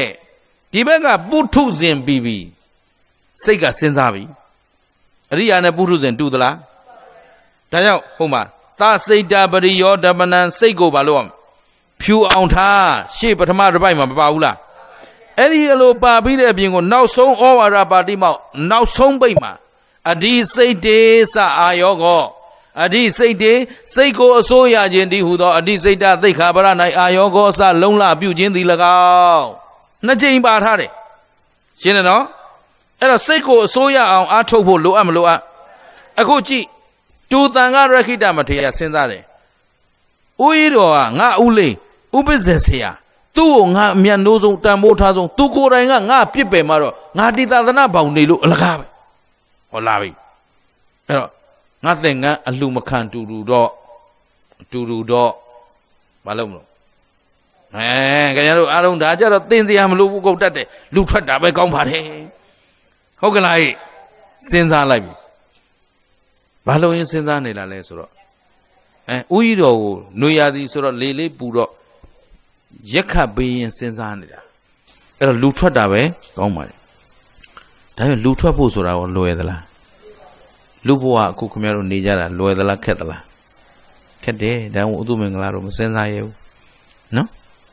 အဲ့တော့ငါထွက်တာတော့ဟုတ်တယ်ဘယ်နာသွားနေမလို့နော်ဘာလှုပ်စားမလို့ရက်ခိုင်ရင်စဉ်းစားဟုတ်ပြီနော်လက်ကတော့ဘာလုပ်နေလို့ရက်ခပြီးသူ့ဦးတော်ကိုချစ်လွန်းလို့သူပူဇော်ပေးနေတယ်ဒါပေမဲ့သူ့စိတ်ကဟိုသင်္ကန်းအလှမခံတာနဲ့တင်သွားပြီဟုတ်ပြီနော်ဘာလုပ်ဖို့စဉ်းစားတော့ လူထွက်ဖို့လူထွက်မယ်ဆိုတော့လူထွက်မယ်ဆိုလူဘဝရက်တီဖို့လွယ်သလားမလွယ်တော့သူစဉ်းစားပြီအလှမခံတူတူဒီရှစ်တောင်သင်္ကန်းကိုရောင်းစိတ်ကူးနဲ့ရောင်းလိုက်ရောင်းပြီးတော့ဘာလုပ်မလဲဒါလေးမဆို့မပို့နဲ့ဆိုတော့မြန်မြန်ကြီးပွားနိုင်တဲ့နီးစိတ်မတကောင်ဝဲမကွာဘာလုပ်မလဲဘာဆိုစိတ်ဆိုတာသားပေါက်တာအမှန်တမ်းမြန်တကူဗျဟုတ်ပလားဟဲ့ တစ်နှစ်ကို3သားလောက်ပေါက်နေတာဆိုတော့ဟုတ်လားအဲ့တော့မြန်မြန်သားပေါက်လွယ်တဲ့စိတ်မတကောင်ဝဲရတာလေးတွေရောင်းဟုတ်ကဲ့လားအဲ့လိုနဲ့ तू ကအစင်တစိုက်ပေါ်လေးစိတ်ရောင်းတော့စိတ်ရောင်းစိတ်ရောင်းစိတ်တွေရောင်းလို့ရတာနွားဝဲနွားကြောင်းအဲ့ဒီကနေမှတစင်တစင်တိုးတက်လာတော့လဲဝဲလဲလဲထွန်းမိမယူနော်အိမ်ယာတီထောင်သူစိတ်ကူးထဲမှာတခါတည်းစိတ်ကူးသွားရတာနောက်ဆုံးအိမ်အောင်ကျသွားပြီမတော်တော့ဟုတ်နေပြီနော်လက်ကဘာလုပ်နေ ရက်ခတ်နေတာစိတ်ကအိမ်အောင်ကျသွားပြီဘာလုပ်သွားပြီအိမ်အောင်ကျပြီးတော့မိမကကလေးမွေးအမွေးတောင်မွေးလိုက်ပြီနော်ကလေးမွေးပြီးတော့ကလေးနိုးစိုးရွယ်ကလေးလေးရတော့ဩငါတို့ဦးကြီးတော့ဘုံကြီးသွားကြောရမယ်ဟုတ်ပြီနော်ငါဦးလေးဘုံကြီးကိုသွားပြီးလင်မယားနှစ်ယောက်သွားပြီးကြောရအောင်ဆိုပြီးတော့ကဲမိမရေလှဲပြင်းနော်လူကဘာလုပ်နေလဲ စိတ်ကလဲရင်လေးပြင်ပြီဟုတ်ပြီနော်လဲပြင်ပြီးကဲမိမနဲ့ကလေးနဲ့တင်ရှေ့ကနွားမောင်းပြီးတော့တခါသွားတော့နောက်ကမိမကကလေးမနိုင်တနိုင်နဲ့လိုက်လာတော့အာမဖြစ်ပါဘူးမိမကလေးငါပေးတော်လဲတော့လဲတော့မောင်းစမ်းပါစိတ်ကူးတဲ့တင်ဟုတ်ပလားဟဲ့တော့လဲတော့မောင်းစမ်းပါပြောရင်းနဲ့ပြောရင်းဆိုရင်လင်မယားနှစ်ယောက်ညင်းရင်းနဲ့ကလေးလေးကလဲလန်းကြောင်ပြုတ်ကျသွားတယ် ပြုတ်ကျသွားတော့နောက်ကလှတဲ့လဲကတက်ကြိတ်တော့ဟာဒီမိမတော်တော်သုံးမကြတဲ့မိမဆိုပြီးထရိုက်တယ်ဘယ်ရိုက်တော့ဘယ်ထဲကရိုက်တာတော့စိတ်ထဲကလူကဘာလုပ်နေလဲရဲတောင်ခတ်နေတော့စိတ်ကူးကမျောသွားပြီလေအိမ်အောင်ကြကလေးမွေးပြီးဘုန်းကြီးသွားကြတော့ပြီဘာကြီးဘုန်းကြီးသွားကြတော့လဲအဲ့တော့ဘာကြီးဘုန်းကြီးသွားကြတော့ရင်းနဲ့လမ်းမှာကလေးကဘာလုပ်တော့ပြုတ်ကြတော့ဘာလုပ်ရိုက်တယ်မိမကိုထရိုက်တယ် ဟုတ်ပြီနော်ဒါပေမဲ့အဲ့ဒီစိတ်ကူးနဲ့တူလက်တွေ့ရိုက်နေတာကဘုရိုက်နေတော့ရှေးကဘာကြီးဘုန်းကြီးနော်ကရုံးကြီးကိုဟမ်အခါရဲရက်တောင်နဲ့တဖြန်းဖြန်းချဟုတ်ပလားဘာတော့ဘာတော့အဲ့ဒါစိတ်ဘာလဲ စိတ်ကတခါနဲ့ပြန့်လွင်ပြီးသူတွေးခြင်းကတွေးနေလိုက်တာဟိုအပြီးတော့သင်္ကန်းအလူမခန္ဓာနဲ့လူထွက်သွားရတာနောက်ဆုံးကလေးတောင်လဲလန်းချောင်းပေါ်ကြိတ်မိပြီကြိတ်ပြီးတော့မိမကိုဘာလုပ်တော့ထရိုက်တာစိတ်ကူးထဲမှာမိမကိုထရိုက်တော့ဘယ်သူရိုက်မိတော့ဦးကြီးတော်တဖြန်းဖြန်းနဲ့ရိုက်တော့ဦးကြီးတော်ကယဟန္တာမထေကြီးမထေကြီးဆိုတော့ဟာငါတူဘာဖြစ်တယ်လဲပြန်ပြန်ပြန်နဲ့ဆိုဟိုဘက်ကဒီကောင်ဘာစိတ်ကူးနေတာတုံးလို့စိတ်ကူးကြည့်လိုက်တော့ အစအဆုံးကုန်သိတယ်တဲ့ဦးကြီးတော်ဟုတ်ပြီနော်လူထွက်လိုက်တာရှစ်တောင်သင်္ကန်းရောင်းလိုက်တာစိတ်မကြီးဝယ်လိုက်တာစိတ်တွေရောင်းနွားတွေဝယ်လဲတွေထွန်းမိမယူကလေးမွေးငါလာကြတော့တာဆိုတော့သိနေတယ်သိနေတော့ဟဲ့ဟဲ့ဟဲ့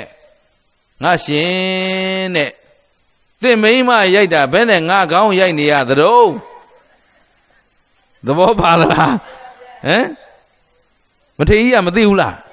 အေးသူတစ်ပါးအစိတ်ကြံကိုသိတယ်စေတောပရိယအပိညင်ရထားတဲ့ပုဂ္ဂိုလ်ဆိုတော့အော်ငါရှင်တဲ့ယန္တာမထေကြီးကငါရှင်သင်မိမသင်ရိုက်တာဘယ်နဲ့ငါကောင်းရိုက်နေတာတုံးဆိုတော့နောက်ကတန်တူတန်ကရခိတမထေရအလွန်လဲကြည်ညိုအလွန်လဲလေးစားအလွန်လဲကြောက်ရွံ့အလွန်တန်မိုးထားရတဲ့ဦးလေးဒါဟိုသူကသူကိုယ်တိုင်ရိုက်မိနေပြီဆိုတော့ကြောက်ပြီးတော့ရက်တောင်ပြစ်ချပြီအမလီ သူကြံနေတာအကုန်လုံးဟိုကတီးသွားလို့ပေါ့နော်ကလေးပြုတ်ကြတာနဲ့မိမရိုက်တာတဲ့ငါဘယ်နဲ့လို့ရိုက်နေရတာလဲငါမင်းမိမမဟုတ်ဘူးရှက်ပြီးပြေးရောဟုတ်ပြီနော်ရှက်ပြီးတော့ထွက်ပြေးတော့မှတန်ခါရခိတမထေကြီးကကိုရင်လေးတွေဥစဉ်လေးတွေလိုက်ဖမ်းခိုင်းတော့ဒီကိုတော်လေးဖမ်းမိလာတော့နောက်ဆုံးမြတ်စွာဘုရားစီခေါ်သွားတယ်ဘုသူစီခေါ်သွားတယ် မြတ်စွာဘုရားစီခေါ်သွားတော့မှအကျိုးကြောင့်လျှောက်တော့မြတ်စွာဘုရားကချစ်သားဘလို့ဖြစ်တာတော့မှန်ပါဗျာတပည့်တော်ဝါဆိုရင်းနဲ့သင်္ကန်းနှစ်စုံရတယ်ကနေစလိုက်တာနောက်ဆုံးပဲရောက်သွားတော့ပြန်မပြောတော့ဘူးနော်ပြန်ပြောရင်တော့じゃ7နာရီထိုးသွားလိမ့်မယ်အဲ့တော့ဝါဆိုရင်းနဲ့သင်္ကန်းမနှစ်စုံရတယ်နှစ်စုံခွန်တောင်မြသင်္ကန်းနဲ့ရှစ်တောင်သင်္ကန်းဆိုပြီးနှစ်ထည်ရတဲ့ထဲကတစ်ထည်ကိုဘသူကတ်တော့ ဦးကြီးတော့တန်ခါရခိတ္တမထေကြီးကိုမကတ်ဘူးလားကတ်တယ်အဲ့ဒါအလူမခန္ဓာနဲ့တပိတော့စိတ်ကူးတဲ့ရလှုပ်လိုက်တာနောက်ဆုံးတော့ရက်တောင်နဲ့ဘသူကောင်းချဘာအမှတ်နဲ့ရိုက်တာတော့မိမအမှတ်နဲ့ရိုက်မိပါတယ်ဗျာအဲ့ဒါရှက်လွန်းလို့တပိတော့လူထွက်ပေးရစီဆိုတော့ချစ်သားတဲ့ငါဖျားကဲ့သို့သော မြတ်စွာဘုရားရှင်ကိုရောမြတ်ကြီးရဲ့ရှေ့မောက်မျက်မှောက်တာဝကအနေနဲ့ယဟန်ဝတ်ထားပြီးတော့မှကိုယ့်ရဲ့အဓိသီလအဓိစိတ်ဓာတ်အဓိပညာဆိုတဲ့မိမိထောက်ရတရားမိရအတွက်အာမထုတ်ဖဲနဲ့သောတာပန်ဖြစ်ရေးသက္ကရာဂံဖြစ်ရေးအနာဂံဖြစ်ရေးသောတာပတ္တိမဲ့သက္ကရာဂမိမဲ့အနာဂမိမဲ့အရဟတမဲ့ဆိုတဲ့မဲ့ဖို့အတွက်အာထုတ်ဖို့ရသင့်မသင့်မြတ်စွာဘုရားရဲ့တပည့်သားဆိုရင်ဒါပန်းတိုင်မရှိဘူးလားကိုသူတော်ကောင်းတို့ဦးဇင်းတို့မှာပန်းတိုင်ရှိတယ်မရှိတယ် အဲ့တော့ဒါကြောင့်မို့ခုနပြောတယ်ကုသိုလ်ကောင်းမှုကိုဘယ်ရောက်အောင်ဖြစ်မယ်ဘယ်ရောက်အောင်သိခံမလို့အဲ့ဒါဒါပဲသောတာပန်မဖြစ်မဖြစ်သေးရင်သောတာပန်ဖြစ်အောင်သက္ကရာကမတည်သေးရင်သက္ကရာကရအောင်အထုတ်ဖို့လိုအပ်မလိုအပ်ချစ်သားအထုတ်ရမှာဒါတဲ့ဘာဖြစ်လို့ချစ်သားကဆုံးနေတဲ့စိတ်တွေနဲ့ဒီလိုလျှောက်ပြီးတော့စိတ်ကိုအလိုလိုက်ရသလဲဟုတ်ပြီနော်ဘာကိုအလိုလိုက်တာစိတ်ကိုအခုလည်းသူတော်ကောင်းတို့ဘု து အလိုလိုက်နေကြတော့ စိတ်လိုလိုက်တော့စိတ်မှာလောဘဒေါသမောဟမရှိဘူးလားအဲ့တော့လောဘဒေါသမောဟခိုင်းတာလုံနေတဲ့ပုဂ္ဂိုလ်ဟာလောကမှာအောင်မြင်တဲ့လူလားကြရှုံးတဲ့လူအမဲမဲသူတို့ပြောတတ်တယ်ပြောတတ်တယ်လောဘအလိုလိုက်နေတဲ့လူဒေါသအလိုလိုက်နေသူကအောင်မြင်တဲ့လူလားကြရှုံးတဲ့လူလားဒါမို့သီးခံသီးခံဆိုတာဘာကိုသီးခံလောကရန်ဘာလဲလဲခုနကသင်္ကန်းကတ်လို့အလူမခံဘူးဆိုတာလဲဘာလဲလောကရန်ပဲရှင်းသလား ကိုယ်ကိုချီးမြှောက်ခြင်းမချီးမြှောက်ခြင်းအသိမှပြုခြင်းမပြုခြင်းဆိုတာတွေကဘာတွေလဲလောကရန်ကိုဖြစ်ချင်တာမဖြစ်တာဟာလောကရန်သဘောပါသလားဖြစ်ချင်တာတွေဖြစ်နေတာလဲလောကရန်ပဲသဘောပါသလားဖြစ်ချင်တာတွေဖြစ်နေတာလဲဖြစ်ချင်တာတွေမဖြစ်တာလဲအဲ့တော့ဖြစ်ချင်တာတွေဖြစ်နေလို့လွယ်လွယ်လေးပြန်ပြောမယ်လောကရန်ကပျော်အောင်လုပ်လို့ ပျော်မိရင်နိုင်သလားရှုံးသလားဟမ်ပျော်စရာတွေ့လို့ပျော်မိရင်ရှုံးတယ်ငိုအောင်လုပ်လို့ငိုရင်ကောကျင်တတ်သလား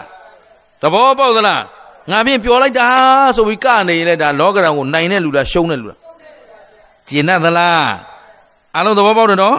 ချစ်သားတဲ့စိတ်အလိုမလိုက်နဲ့ဘာအလိုမလိုက်နဲ့ ဒါဖြင့်စိတ်ကိုအစိုးရအောင်အားထုတ်ဖို့လိုအပ်မလိုအပ်အဲ့ဒီမှာမြတ်စွာဘုရားကတရားဟောပြီးဒုရင်ကမံဧကစရံအတရိရံဂုဟာတယံယေစိတ်တံတံကမေတ္တန္တိမောက်ခန္တိမာရဗန္ဒနာဒုရင်ကမံဝေသောအရ၌တည်သောအာယုန်တို့လဲသွားရောက်တတ်သောဟောသူတော်အောင်တို့စိတ်တွေဟာအဝေးကြီးလဲမတွေးဘူးလား အခုလဲတန်ခရခိတမထေလေးတူတန်ခရခိတမထေဥယင်းကိုဥကြီးတော်ကိုရက်ခတ်ရင်းနဲ့သင်္ကန်းရောင်းပြီးစိတ်မွေးလိုက်တာနောက်ဆုံးဘယ်ရောက်သွားတော့မိမနဲ့ကလေးလဲလန်းချောင်းရောက်လို့ထရိုက်တဲ့အထိမရောက်ဘူးလားအဲ့တော့ဒိုရင်ကမံဝေသောအရ၌တည်သောအာယုံတို့လဲသွားရောက်တတ်သောဧကစာရံတခုချုပ်ပြီးမှတခုဖြစ်တတ်သောကုသတော်အောင်တို့စိတ်ကိုထိမ့်သိမ့်မှုဆိုတာလွယ်သလားမလွယ်တာကိုမြတ်စွာဘုရားကပြောပါပြီ ဧကစိတ်တာသမာယုတ်တာသူတော်ကောင်းတို့ယုတ်တဏ္ဍာမှာတစ်ကြိမ်ဖြစ်ရင်စိတ်ဘယ်နှစိတ်ရှိတယ်တစ်ကြိမ်မှာစိတ်ဘယ်နှစိတ်ဖြစ်တယ်တစ်စိတ်ပဲဖြစ်တယ်အလုံးမှတ်ထားတစ်ကြိမ်မှာတစ်စိတ်ပဲဖြစ်မှန်းသိရင်ထိန်းလို့ရမရဟမ်ရနိုင်မရနိုင်ရသင့်မရသင့်တခြားလုံးတော့တခြားလုံးတော့ခမရတို့မဖြေရင်ဒီတရားပြီးလို့မရဘူးနော်တစ်ချိန်မှာစိတ်ဟာတစ်ချိန်ပဲဖြစ်တယ်တစ်စိတ်ပဲဖြစ်တယ် အဲ့ဒီတစိတ်ကိုငါတို့ထိန်းလို့ရတဲ့မရတဲ့ဒါကိုမြတ်စွာဘုရားဒူရင်ကမန်ဝေးသောအရာအာယုံတို့လည်းပြေးသွားတတ်သောဧကစာရံတကြိမ်မှာတစိတ်သာဖြစ်လေရှိထသောဟောတကြိမ်မှာတစိတ်ပဲဖြစ်တယ်ဆိုဘလောက်ဝေးတဲ့အာယုံကိုပြေးသွားပြေးသွားအာယုံဆိုတာဒီ ద్వార ပေါ်မှာမူတည်တာဟုတ်ပြီနော်တို့တော်ကောင်းတို့မှာ ద్వార ဘယ်နှပေါက်ရှိလဲ 6ပေါက်ဒေါ်လာဘယ်နှပေါက်ရှိလဲပြောကြည့်လိုက်ပါလေတို့မျက်စိဒွါရ6ပေါက်ရှိသလိုအာယုံ6ပါးပြောကြည့်အစင်အတန်အနံ့အယတာတွေးထိစရာကြံတွေးစရာခုနဆိုတဲ့ထဲမှာမပါဘူးလားအကြောင်းမဲ့ဆိုခိုင်းတာမဟုတ်ဘူးအဲ့တော့အာယုံ6ပါးဒွါရ6ပေါက်ရှိသလိုစိတ်ကလည်း6စိတ်ပြောကြည့်မြင်စိတ်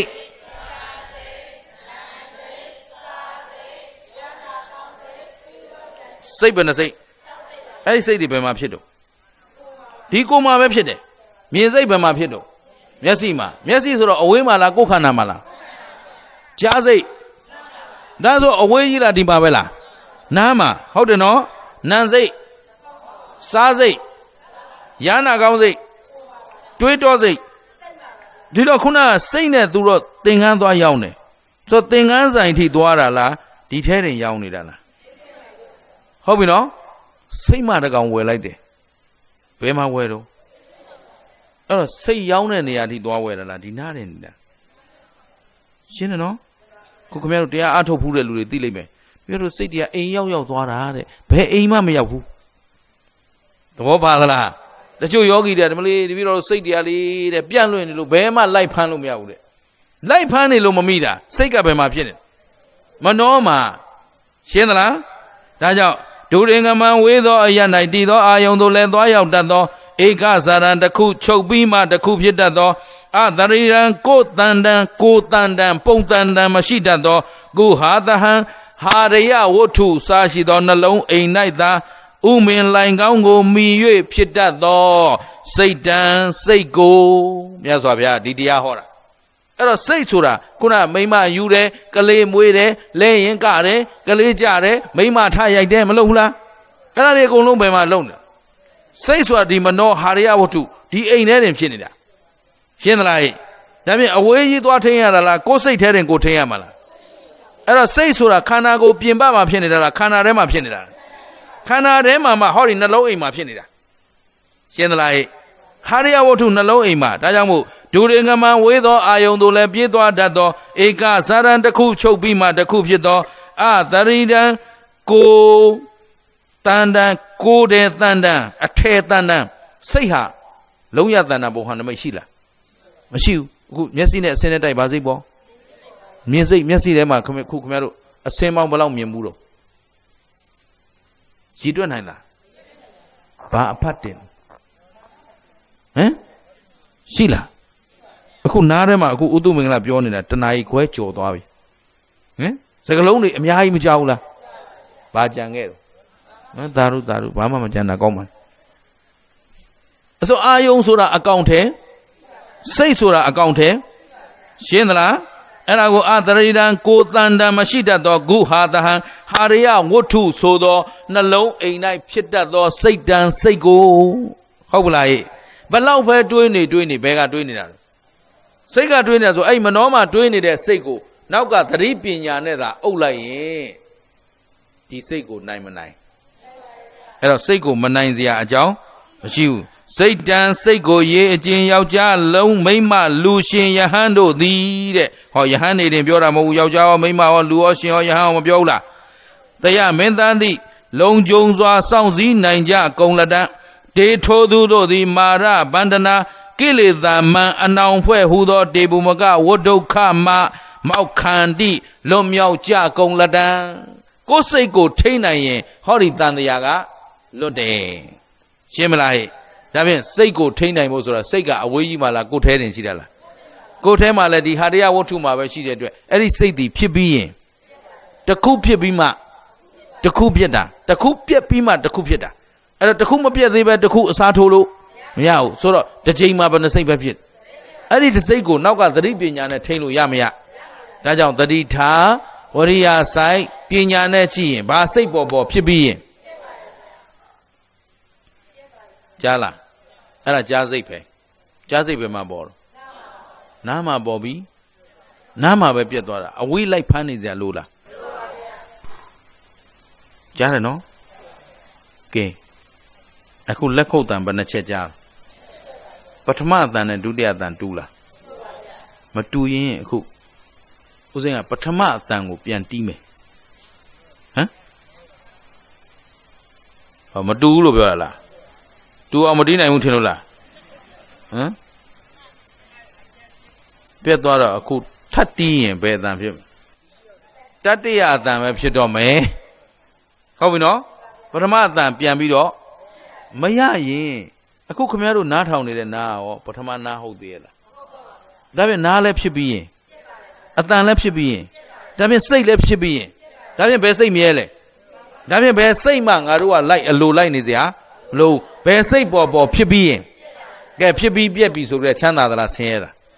ဖြစ်ပြီးပြက်တာဘာသစ္စာသိတဲ့ဉာဏ်ကမေဃသစ္စာနဲ့မမှန်ကန်ကန်သိရင်ဒီဘက်ကလောဘဒေါသမောဟမာမနာဣဒ္ဓမစီယသောကပရိဒီဝလာစရာလိုသေးလား မလိုရင်သေတာကနောက်ခန္ဓာမလာတာကနိရောဓသစ္စာမျက်မှောက်ပြုပြီဆိုခုနစိတ်ကူးတွေလာစရာအကြောင်းမရှိတော့အဲ့ဒါနဲ့တူတန်ကရရခိတမထေဟာဟောဒီကာထာဘိတ်ကလေးဒုရင်ကမအဝေးကို ပြေးသွားတတ်သောဟုတ်ပြီနော်တခုဖြစ်ပြီးမှတခုအစားထိုးတတ်သောဟုတ်ပြီနော်မနောဟာရိယဝတ္ထုအိမ်နဲ့သာဖြစ်တတ်သောစိတ်ကိုစောင့်ထိန်နိုင်ရင်အဲ့ဒီပုဂ္ဂိုလ်မာနမင်းလက်အောက်ကလွတ်မယ်ကိလေသာယံသူအောက်က လွတ်မယ်ဆိုတဲ့တရားလေးခေါ်လိုက်တာနဲ့ဩစိတ်ဆိုတာဘယ်မှသွားနေတာမဟုတ်ဘူးဘယ်ထဲတင်ဖြစ်တာတော့ကိုယ်ထဲတင်ဖြစ်နေတာပဲဆိုတာမသိဘူးလားသိလိုက်တော့တတိထာဝရိယစိုက်ပညာနဲ့ကြည့်တော့ဒီစိတ်ကလေးတွေဖြစ်ပြီးတော့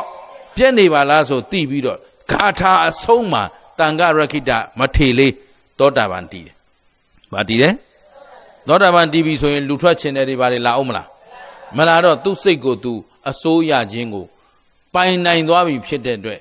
သာသနာပေါင်းကထွက်တော်မယ်မိမယူမယ်စိတ်ဝဲမယ်လာအောင်မလား။အဲ့တော့သင်္ကန်းအလူမခန္ဓာနဲ့ရှောက်တွေးလိုက်တာဒုက္ခမြနောက်ဆုံးတော့ကိုယ်ဦးကြီးဦးကောင်းကိုရက်တောင်နဲ့ရိုက်မိတဲ့အထိမဖြစ်ဘူးလား။ဒါပေမဲ့အဲ့ရက်တောင်နဲ့ထားရိုက်တာလဲအပြင်ကလာတာလားဒီထဲကလာတာလား။အခုလည်းသူတော်တို့စိတ်ဆင်းရဲခြင်းစိတ်ချမ်းသာခြင်းဆိုတာဘယ်လား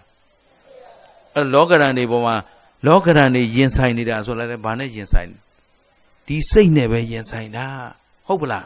အဲ့ဒီစိတ်ကိုနိုင်အောင်ထိရင်လောကရန်ကိုနိုင်ပြီရှင်းသလားရဲ့အဲ့တော့လောကရန်ကိုတိခန့်တိခန့်ဆိုတာဘု து စိတ်ဘု து တိခန့်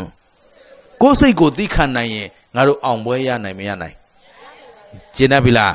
ဒါဖြင့်မကောင်းမှုမှန်သမျှမလုံကြနဲ့ကောင်းမှုကုသိုလ်ကိုပြည့်စုံအောင်လုပ်ဟုတ်ပလားပြည့်စုံအောင်လုပ်ဆိုတော့ဘသူစိတ်ဘသူထိန်းရမကိုယ်စိတ်ကိုထိန်းတော့တတိထား ဝရိယာဆိုင်ပညာနဲ့ကြည်တတိဝရိယပညာနဲ့သာကြည်ရင်ဒီစိတ်ကိုမထိန်းနိုင်စရာအကြောင်းအဲထိန်းနိုင်ပြီဆိုရင်လည်းလိုရပန်းနိုင်ရနိုင်မရနိုင်ယုံသလားဒါဖြင့်ဘသူစိတ်ဘသူထိန်းမယ်တတိထားဝရိယာဆိုင်ပညာနဲ့ကြည်အလုံးဖြစ်ပြီးရင်ကဲဖြစ်ပြီးပြတ်တာပါသစ္စာသိတဲ့ဉာဏ်ကသေတာကနောင်ခန္ဓာမလာတာကသစ္စာဘယ်နှချက်က အေးကဲသို့သစ္စာ၄ချက်တပြိုင်တည်းကိုက်မှသာလျင်တန်တရားဝတ်တွင်းကလွတ်ကင်းနိုင်မှာဖြစ်တဲ့အတွက်မမေ့မလျော့မပေါ့စားသောတတိမလျှော့သောဇွဲလုံးလာဝရိယကိုလက်ကင်ထားပြီးတော့ဒီဘဝဒီခန္ဓာမစွန့်ကြခင်မက်ဖို့နိဗ္ဗာန်တိုင်အောင်ရွတ်ဆောင်နိုင်ဖို့အတွက်အစိုးမရတဲ့ဒီစိတ်ကို အစိုးရအောင်ကြိုးစားကြလို့တိုက်တွန်းရင်းနဲ့နားကြစို့